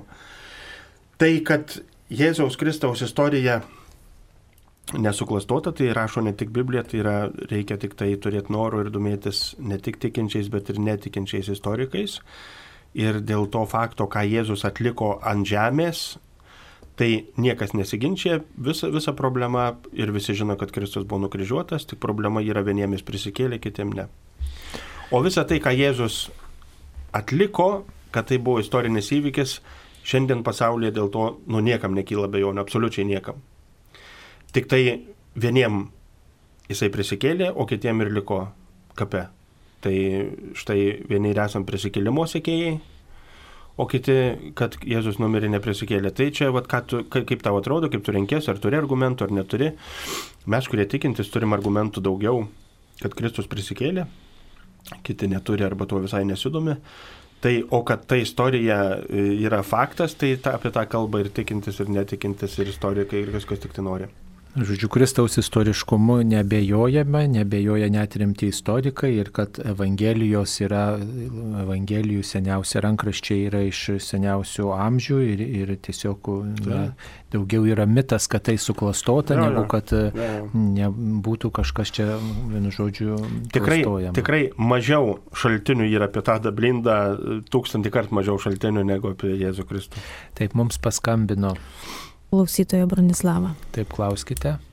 Garbėjus Per amžius. Prieš pusantrą metų mirė mano mamytė ir jinai buvo prašusi dėti škaplerį, bet mes neradom, atradom vėliau ir dabar jaučiuosi kaip ir kalta. Nesijauskit, žinokit, kad emociškai jums būtų lengviau, kai jūs neisit prie kapo, paimkit arba kokią lasdą išdurkit skylę ir įmeskit tą škaplerį, arba iškaskit duobę ir užkaskit. Vienu žodžiu, tai vis tiek, jeigu jums tai yra svarbu tas įvykis, tai, kaip sakant, tą, tą, tą ir padarykit, kad tas škapleris būtų jos kape, nebūtinai karste. Tegu tai būna jos kape, ir, ir tikrai nusiraminsit ir, ir nereikės jum dėl to turėti kažkokių tai e, abejonių ar netikrumo. Na, svarbiausia, kad jūs melstumėtės už savo mamą, prisimintumėte ją šventose mišiuose ir tokiu būdu tikrai tas e, ženklas, maldo ženklas bus daug svarbiau negu kad įdėti ar neįdėti. Bet emociškai kai kuriems žmonėms tas nu, tiesiog gali būti svarbu. Taip, dabar e, dar viena žinutė. E, esu nejaunas nuo vaikystės įpratęs komuniją priimti tik po išpažinties e, ir išpažinčiai ruošiuosi prieš dieną ar net dvi vaikystė įspėdavo savaitės pradžioj, kad sekmadienį eisim išpažinties. Keista jaučiuosi, kai bažnyčioje visi esantieji stoja komunijos eilėn, ar ir man tapti, kaip dabar sako, komunijos degustatoriumi. E, Žinot, aš pasakysiu taip. Aš asmeniškai tai labai mėgstu laikytis tų tradicijų, kurių buvo išmokytas nuo mažens, o jeigu jau kitaip, žmogų tas laužo. Pavyzdžiui, įsivaizduoju, kaip turėjo laužyti kunigus, kai po antro Vatikano tai, kas buvo nuodėmė, padarė nenuodėmę. Viskas begalės išgriovė altorius, atsuko. Aišku, kad kalbas leido visuotinai, tai labai gerai, bet daug buvo, kur žmonės tiesiog Ir dabar, pavyzdžiui, kai kurie dalykai atsitinka, tai aš tokį terminą, kaip sakiau, kaip sakė tas Lefebras, leiskit man numirti tikroji katalikų bažnyčiai. Aš manau, kad jeigu katalikų bažnyčia reformuojas, jinai neturėtų atgal atšaukti e, galiojusio dalyko. Jeigu jūsų tikėjimas iš tikrųjų yra išpuoselėtas ir, ir praktikuojamas taip, kaip jūs išmokot, tai jūs taip ir nugyvenkit gyvenimą. Aišku, gerai Eucharistiją priimti yra kiekvieną sekmadienį, bet e, gal jum ir nereikia išpažinties eiti kiekvieną sekmadienį per savaitę, tai jūs nepadarot jokios sunkios nuodėmės. Tai sekmadieniais būnant iš tikrųjų, nu, kaip ir, juk tam ir einame bažnyčia, kad priimt komuniją, e, stiprintis e, prisikėlusiu, nes ir pats noriu būti prikeltas. Tai man reikalinga Euharistija, kad būčiau prikeltas, man reikalingas prisikėlęs Kristus, kad, kad būčiau prisikėlimo dalininkas. Tai aš manau, kad būnant bažnyčiai tą reikėtų komuniją priimti, o jeigu jau jaučiat, kad reikia iš pažinties, tai vėl prieiti iš pažinties. Tai tas sekmanių komunijos prieimimas, manau, yra pagrindas, dėl ko mes einam sekmanį į bažnyčią.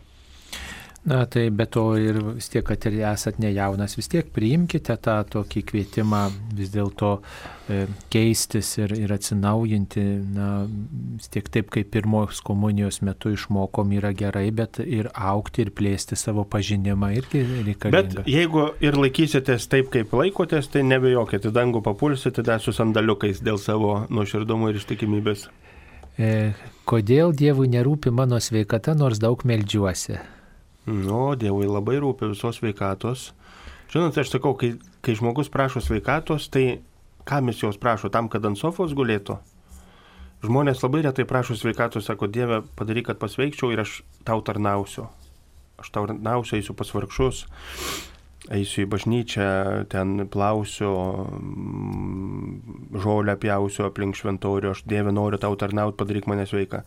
Bet jeigu žmogus prašo tik sveikatos tam, kad galėtų gulėti ant sofos ir valgyti čipsus, tai kam ta, ta sveikata iš tikrųjų? Tai aišku, šaržuoju šiek tiek, bet yra begalė žmonių, kurie dėkoja už lygą, kad jie pažino tikėjimą. Viena tokia yra Stasija iš biržų kuri, Stasė gal girdė, tai va perdodu linkėjimus, visada labai malonai jinai paskambina, pasi, paliudyja Dievą man, jinai sako, dėkoju už lygą, nes per ją pažinau Dievą.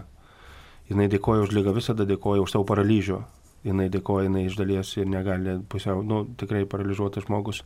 Ir jinai dėkoja dėl to džiaugsmo, kurį patyrė atradusi Dievą. Tai žmogus žinai, jeigu prašo sveikatos, bet neprašo pačio Dievo pajūtimo, tai, nu, yra toks, kitaip tariant, ne, ne Dievo sferos būdas e, veikimą, juk sveikata gali ateiti per tikėjimą, o ne per netikėjimą, tik dėl to, kad noriu Dievę padaryti, nes aš taip noriu.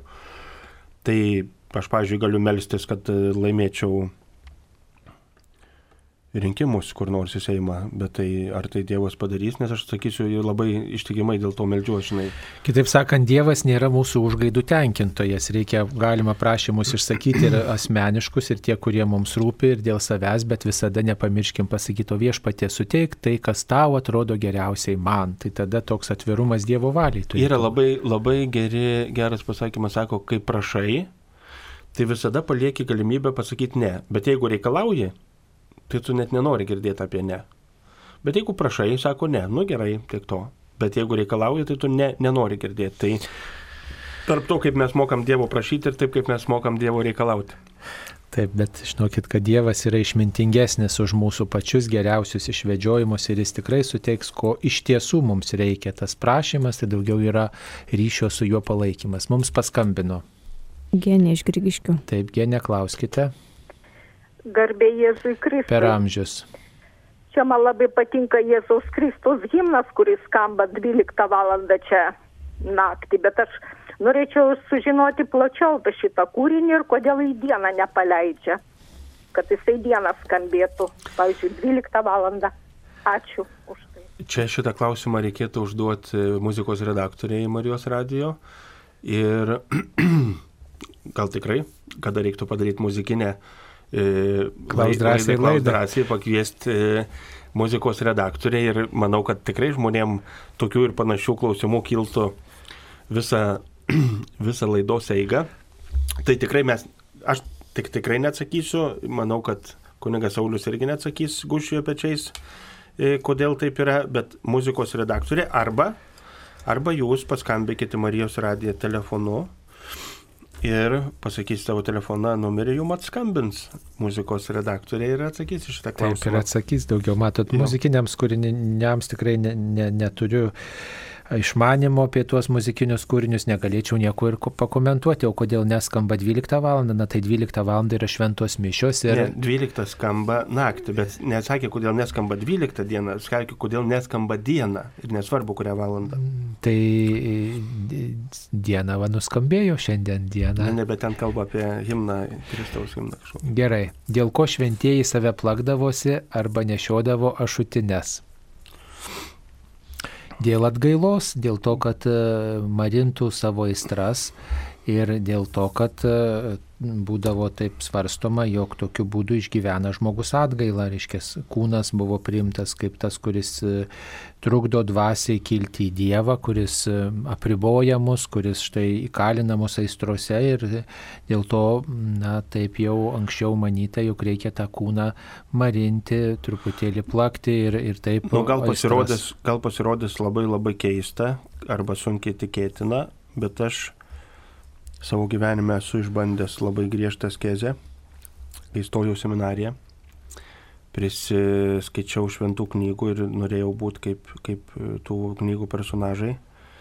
Aš ilgą laiką valgiau tik duoną ir arbatą ir vandenį, gulėjau ant lentų. Tai žinot, aš galiu pasakyti, tai yra labai sunku, bet dvasiniai visi giliausi išgyvenimai tada ir atėjo. E, Norint išgyventi Dievą, tikrai sėdėdams fotelį, valgydams šipsus ir gerdams salų, tai tikrai mėlyjei ne ta vieta, bet eskezė labai duoda gilius išgyvenimus, kada kūnas nu, yra susilpnintas, kad ir kad kalbėti apie tą patį litiškumą. Aš būdamas askezėje, aš pusę metų negalėjau pasakyti, kad aš jutau savo litiškumą. Tai yra tikrai norint e, patirti tą tokį išsilaisvinimą iš pagundų, iš nuodėmių, tai askezė yra kelias numeris vienas. Šiandieną bažnyčia yra labai pamiršusi šitą askezės kelią. Šiandien žmonėm mėsos nevalgyti penktadienį jau yra iššūkis, nekalbant apie tai, kad askezė tai yra ne tik mėsos nevalgymas, bet aplamai visiškas kūno apribojimas nuo, nuo, nuo maisto. Tai dvasiniai išgyvenimai tikrai be askezės, mėlyje, aš iš savo patirties galiu pasakyti, tikrai, tikrai prisikimšęs kugelio, vienu žodžiu, žiūrėdamas holivudinį filmą ir užsimovęs ražančio ant rankas, tikrai nepatirsi to, ką patirsi askeziai ir, ir kai tu kūną iš tikrųjų susilpnini visiškai apriboji vaizduotę, e, klausą ir koncentruojas vien tik iš šventų dalykų, sakau, mano dvasiniai išgyvenimai šiandien yra mano kunigystės stuburas. Aš galiu, e, kas, kas man davė to labiausiai, kad aš galiu liūdėti savo tikėjimą, galiu liūdėti Dievą, man nereikia jo išmokti, man nereikia prisiskaityti, kad aš galėčiau šiandieną pasakyti pamokslą. Man užteko išgyventi, dėl ko šiandieną galiu kalbėti, sakykime, pamokslą pasakyti, man nesvarbu, yra aš pasiruošęs, nepasiruošęs. E, tai leidžia kalbėti apie Dievą, kurį aš esu išgyvenęs ir pažinęs. Ir tai buvo labai gilus dvasiniai išgyvenimai, bet būtent tada, kai aš praktikavau, labai labai stipriai praktikavau askezę. Taip, mums paskambino. Algis iš Marijampolės. Taip, Algi, klauskite. Garbėjai Per Kristui. amžius. Norėjau paklausti dėl Marijos ėmimo į dangų, nes pas šį- e, katalikai tiki, kad reiškia, kad jinai, e, reiškia, e, po mirties ją iškart paėmė, o, o stačiatikiai, kad ir leisgyvė buvo paimta, bet dar gyva, tai gal tada jau Dievas tada jau suskirstė, kad vieni bus katalikai, kiti bus stačiatikiai, nes vieni taip galvo, o kitas dar klausimas dėl tų abortų norėjau paklausti. Jeigu tas, e, e, reiškia, gemalas, ten kai būna, jis dar yra be nuodėmės, o reiškia, ir jisai jau e, darai abortais be nuodėmės, bet atsit prigimtoji ta nuodėmė yra. Bet tai gali tą nuodėmę nuplauti, sakysim, e, tas gynekologas su šventintų vandens virštu, suleis, sakysim, jau jis bus pakrikštytas ir iš karto eis į rojų. Ir kam jam čia kankintis tam žemiškam pragarė, o dar kitiais ir į tą mistinį pragarą amžinai, kada iškart visi gali į rojų ir ten galės su Marija, su angelais kaifuoti, ir nereiks vargto į žemę. Ačiū labai. O, o Ačiū labai vienu žodžiu, aš tai stebiuos, stebiuos, kaip žmonės gali tokios klausimus sugalvoti Marija Leisgyvė. Ar, ar, ar, ar, ar, ar mirus, ta prasme, bet gyvenime nebūčiau sugalvojęs taip. Bet kągi, jeigu kyla tokie klausimai, tai šventasis raštas Bero sako, kad Marija užmygo, ne? Tai va, kad užmygo. Šventam rašte apie tai iš viso neusimenama. Čia tradicija, Jo, e, tradicija, tai yra tokia, reiškia, teikti. Ir Dievas Taigi, tikrai neskirstė, čia yra žmo, Ne, ne. žmonių skirstimas, Jo. ka- katalikai, ne katalikai, katalikai, po- pravoslavai, va, o kaip ten tos tradicijos traktuoja, ar ten e, buvo, žodžiu, taip kaip jūs sakot, ar čia yra jau žmonių mintis, bet esmė tokia, kad Marijai skiriamas dėmesys ypatingas, nes ji yra Dievo motina ir kadangi ji buvo apsaugota nuo bet kokios gimtosios nuodėmės pasiekmių, tai, tai dėl to ir ta mirtis jos netokia buvo kaip mūsų visų, ji tiesiog užmygo, užmygo šiam pasauliu tam, kad galėtų būti kartu su Dievu gyventi. Mes priimam tai kaip ženklą, kad visi, kurie priimam krikštą, visi, kurie priimam Dievo dovanotą atleidimą m, mūsų nuodėmių, mes taip pat dalyvausim amžiname gyvenime ir kad mūsų kūnai prisikels. Ir Marija yra tiesiog to gyvenimo liudytoja tokia. E, Ir bažnyčia tuo tikėjo nuo pat pirmųjų amžių, o kad ten vieni sako, ar užmygo, ar numirė, tai čia daugiau yra, na, žinot, tradicijų toks, e, tradicijų toks, e, galima sakyti, pasiskirstimas ir tok, toks traktavimas, bet tikrai niekas nesako, kad buvo leisgyvė, kaip jūs kad tvirtinate. Tikrai niekur neteko girdėti tokio uh, tvirtinimo. Sakoma, kad užmygo arba mirė ir buvo paimta su kūnu ir siela. Tai taip mes priimam. O dabar dėl... Uh, Aš galiu atsakyti tą antrąjį klausimą. Tai, mielasis, jeigu jau gydytojas leis šventintą vandenį, tai vadinasi, jis bus tikintis, jam bus svarbu, jeigu jis bus tikintis, tai jam rankas kojas nukapok toks gydytojas abortų ir nedarys. Tai ta prasme, jeigu jau gydytojas daro abortų, tai jam visiškai yra tas pats, kur tas vaikas eis, ar į pragarą, ar į dangų, ar yra Dievas, ar nėra Dievo, tiesiog čia, čia o, o kad e, gydytojas, gynekologas pakrikštytų, paskui dar žudytų, tai čia yra, čia tas pats kaip jis pavėduoti nušauti. Vat, tai vienu žodžiu, žmogus, kad nesikankintų šiam pasauliui, Vat e, kunigas nusipirka ginklą, atėjęs žmogus iš pažinties, jis pavėdoja, išėjai iš klausyklas, pykšti galvą ir viskas, va kaip sakant, ir atlikai šventą darbą, įdant žmogus tiesiai nueitų į Dievą glėbį. Mato, šitas gyvenimas yra Dievo dovana, nors ir kaip mums atrodo čia sunku ir ašarų pakalnė, bet jeigu viešpats pašaukė būti šitam pasauliu, gyvybę dovanojo, unikalų nepakartojamą gyvenimą, jis yra dovana. Ir e, vis dėlto tą dovaną esame kviečiami priimti kaip galima, e, nu, taip sakant, atviresnė širdimi ir, ir puoselėti mm, šitą nepakartojamą galimybę gyventi. Aišku, šita galimybė paženklinta mūsų ir kitų žmonių nuodėmės, netinkamo pasirinkimo. Dėl to mums reikalingas ir krikštas, ir troškimas grįžti prie tokių, kokius mus Dievas nori matyti, sukūrė. Dėl to mums ir reikalingas tikėjimas, kuris padeda e, atpažinti tą Dievo viziją, Dievo planą, kurį viešpats mums kiekvienam skiria. Įpraspina patį buvimą, tikėjimas.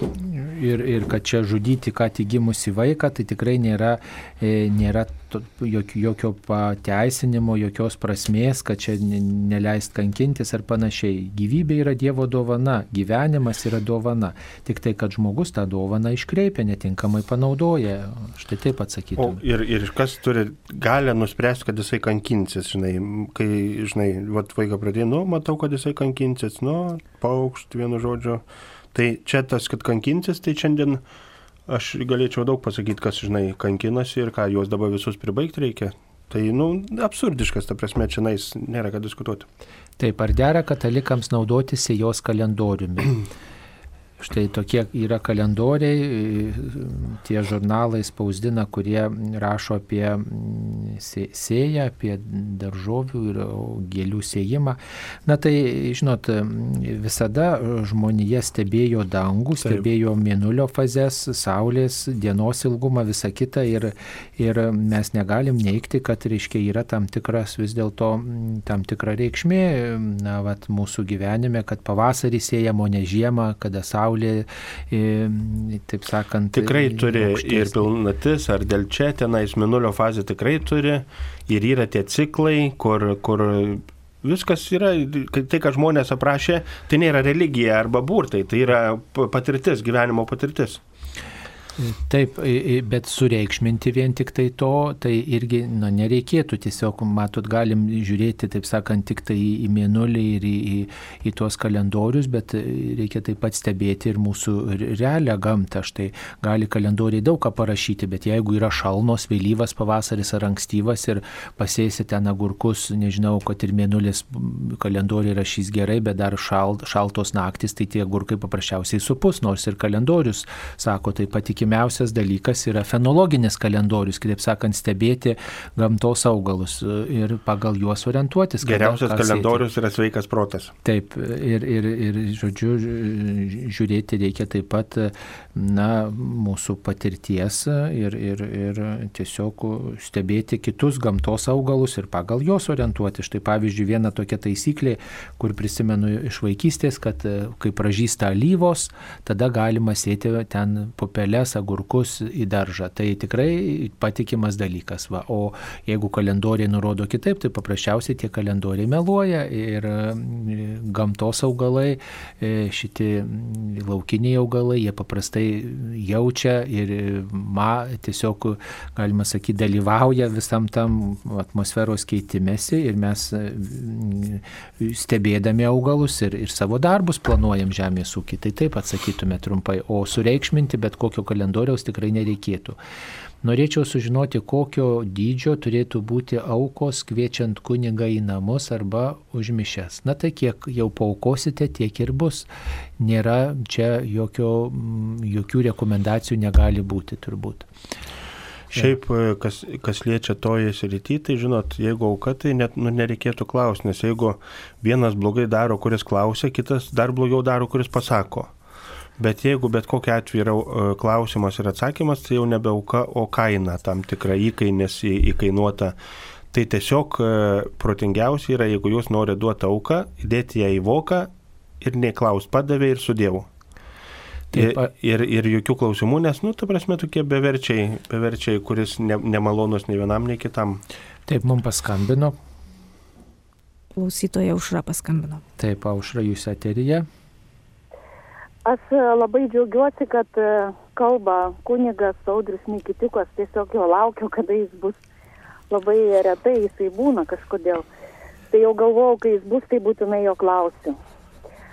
Aš e, pirmiausia norėjau pasakyti, kad skambinu iš tokio dūtkaimio, kur, kur yra klebonas, ruošia vaikus komunijai, kudirkos naumistis. Taip kad yra dar tų atvejų ir, ir jeigu ne jis, tai kunigas ir, ir kaip suprantu, ruošia labai sausai, e, labai be meilės ir, ir kaip jūs sakote, tokiom e, gražiai kalbat, kad prieikit prie klebono, paklauskit, tai, tai taip, taip nėra, jeigu ten kas nors netinka, paklausi, ranko musikuoja ir eina atbulas ir, ir žodžiu nežinau, ką daryti. Bet man klausimas yra, yra kitas. E, aš gėdu šermenyse ir norėjau paklausti, kiek yra tos prasmės, kai giminė neprisijungia. Kai paprašai, tai, tai dar sukalba tą poterį, ten tėvę mūsų, ten sveika Marija kartu, prie to gėdamo rožandžius, tarkim. Tai jau čia labai gerai jau, jau čia pas, jau visai kitas jausmas ir gėdos. O šiaip tai jie sėdi visi susėdę ir tas mūsų gėdojimas toks gaunasi liktai koncertas. Ir norėjau paklausti, ar aš čia bereikalo parinuose, ar, ar, mhm. ar čia taip turi būti, ar vis tiek bandyti tos žmonės e, kažkaip tai įtraukti. Per, per keturnygelius, per metinės aš m, mm, net padalinu natas, ten žodžius, bandau, kad jie kartu prisijungtų, kai kas pasiduoda, kai kas ne. Tai va, tai toks mano klausimas, ar man tenktis tą daryti ir kiek tos prasmės iš viso tame gėdojime, kai nepriskaidėda tik tai du ar trys gėdoriai. Mm, ačiū, ačiū Jums už, už klausimą. E, Ta klausimą iš tikrųjų e, ir aš esu kėlęs yra problema yra tada, kai gėda netikintis gėdoriai ir tokių yra ne vienas ir ne du. Jie tik tai ateina, kaip iš tikrųjų, jiem, nebū, jom nebūtų skirtumo, kur gėda. P- paršą paguldyk, prie paršo pagėdos, e, kritusią karvę paguldyk, sumokėk pinigus ir jie prie tos karvės pagėdos. Koks jiems skirtums, kam jie Yra tokių gedorių, ta prasme, kurie visiškai atsiriboja nuo bet kokio tikėjimo, dvasingumo ir jiem yra, yra darbas, yra atlygis, viskas. Ir jie nekelia daugiau jokių klausimų, kad jūs keliate, tai aišku, liudija jūsų jau prasmės ieškojimą, tikėjimą. Ir tie dalykai, žinokit, jeigu jau jūs darot su tikėjimu, jie niekada neliks beprasmiai, ta gesmė e, vis tiek užkabins kažkieno širdį. Atsivertimas, žinokit, nevyksta, o čia pagėdojau, rytoj atsivertė. Ne, Gesmė žodžiai žmogaus širdį gali būti tik sėkla, kuri pradės dėkti po metų, dviejų, trijų, penkių ar netgi mirties patale. Tai e, greitų rezultatų, jeigu ieškotume, tai mes labai greit ir kunigystėje nusiviltume ir, ir, ir visose kitose tarnystėse. Tiesiog tikrai, e, kad jūs tengiatės, dalinat, e, norite traukti su meilė draugiškai, tą ir darykit. Tai yra labai gražu, tai yra paštalavimas, tai yra ne tik gėdot, bet ir melstis. Bet tikrai tikinti žmogus ateina, jisai tarnauja, šlovina Dievą mirusio vardu. Ir jum visiškai neturėtų būti įdomu, ar jų prisijungia, tiesiog jūs esat paprašyti, jūs tą mokat e, šlovinti Dievą. Kaip sakiau, kaip pašlovinti Dievą, jeigu esi netikintis, tu tikrai atėjai, atidainavai ir išėjai. Bet e, šlovinti Dievą mirusio vardu, e, aišku, kad mūsų gėdojimai, sakykime, nu, laidotuvių pačios apėgos, man irgi labai dažnai ne, netokių aš norėčiau. Aš labiau norėčiau, kad laidotuvių apėgos būtų Vat vieną kartą esu dalyvavęs laidotuvių apieigose Talinė, pravoslavų. Man tikrai patiko tas daug, daug kartų maldavimas, Gospodи pamylai, Gospodi pamylai, eina ir šaukia, tiesiog maldauja, reikia, klykia, Dieve pasigailėk. Tas maldos toks, o pas mus, pažiūrėk, kad ir mišes. Laidojom bažnyčių ten žmogų gyvenime nebuvusi bažnyčių ir jeigu Jeigu kunigas paima gedulinės mišes, tai ten nieko tu nepriraitysi, bet parašyta, kuris tavim nuolat tikėjo ir pasitikėjo, kuris nuolat stiprinosi švenčiausių tavo kūno ir kraujo sakramentų ir tiesiog šlykštų skaityti, netikinti, garbinį prieš Dievą. Tai būtų daug geriau, kad viešpatie pasigailėk. Aš manau, kad laidotuvė apėgos katalikų bažnyčiui labai aiškiai turėtų būti išskirtos tarp tikinčių laidojimų ir netikinčių arba praktikuojančių ir nepraktikuojančių. Nes kai tu netikinti arba ne, visiškai nepraktikuojant laidoji kaip... Tai kam tada laidoti kunigų nepraktikuojantį klausimas? Nu, tai tikrai, bet kita vertus vėl parodyt gailestingumą. Tai nepraktikuojančio būtent ir turėtų apėgas, kad viešpatė pasigailėk, viešpatė pasigailėk, nuo ateimą iki užkasimą viešpatė pasigailėk ir daug kitų maldų, bet kurios būtų pasigailėk, o ne taip, kaip ten jis tavim stiprinosi, kaip jisai ėjo ir meldė ir... ir, ir Tai va čia yra bėda, kad katalikų bažnyčia vienodai laidoja tikinčius ir netikinčius, praktikuojančius ir nepraktikuojančius katalikus ir komunistus, visiems yra vienodai apėgos. Ir tą reikėtų išskirti. Gal kiti kraštai, kur nebuvo tarybinių laikų, neturi tos problemos. Mes tikrai turim nepraktikuojančių arba net prieš bažnyčią nusistačiusių asmenų. Bet vis tiek juos palaidojam kaip nuoširdžius katalikus, už tai gaunam 50 arba 100 eurų ir visi būnam labai labai vos nelaimingi ir, ir tos problemos nekeliam, bet ją reikėtų kelt. Tai to šauktis Dievo gailestingumo, tai jūs tokias gesmės šaukitės Dievo gailestingumo, mirusiam viešpatė pasigailėk, viešpatė gelbėk, viešpatė. Tai žinokit, tiem netikintiem jūsų nuoširdus tikėjimas tikrai pasės tą seiklą, kuri nesudyks kitą dieną, bet kur žmogus sakys, va, kai aš numirsiu irgi tuos gedorius, pakvieskit, nes jie labai gražiai meldė Dievo, jie labai gražiai Dievo prašė ir aš noriu, kad vat, prašytų, kai aš numirsiu taip. Tai čia jau irgi bus tarnystė atlikta. O ką sakėt, kad lebona, kad ten muistos yra į atbulas, tai va čia yra atsakyms, kaip gerai, kad kunigus kilnoja, tai nėra, jeigu tai būtų iki mirties, tai būtų tragedija. O čia metai 2, 3, 5, 6, 7 ir mielas klebonėliai, teikėt rožių atėję, pabučiuojate žandą ir linkit jam tarnystės kitam dūdlaukiai. Tai vienu žodžiu čia yra atsakymas, kaip yra nuostabu, kad kunigas kilnoja vienu žodžiu. Tai vad, kaip sako, čia yra atsakymas, kad e, ateis laikas, kai taip nebus.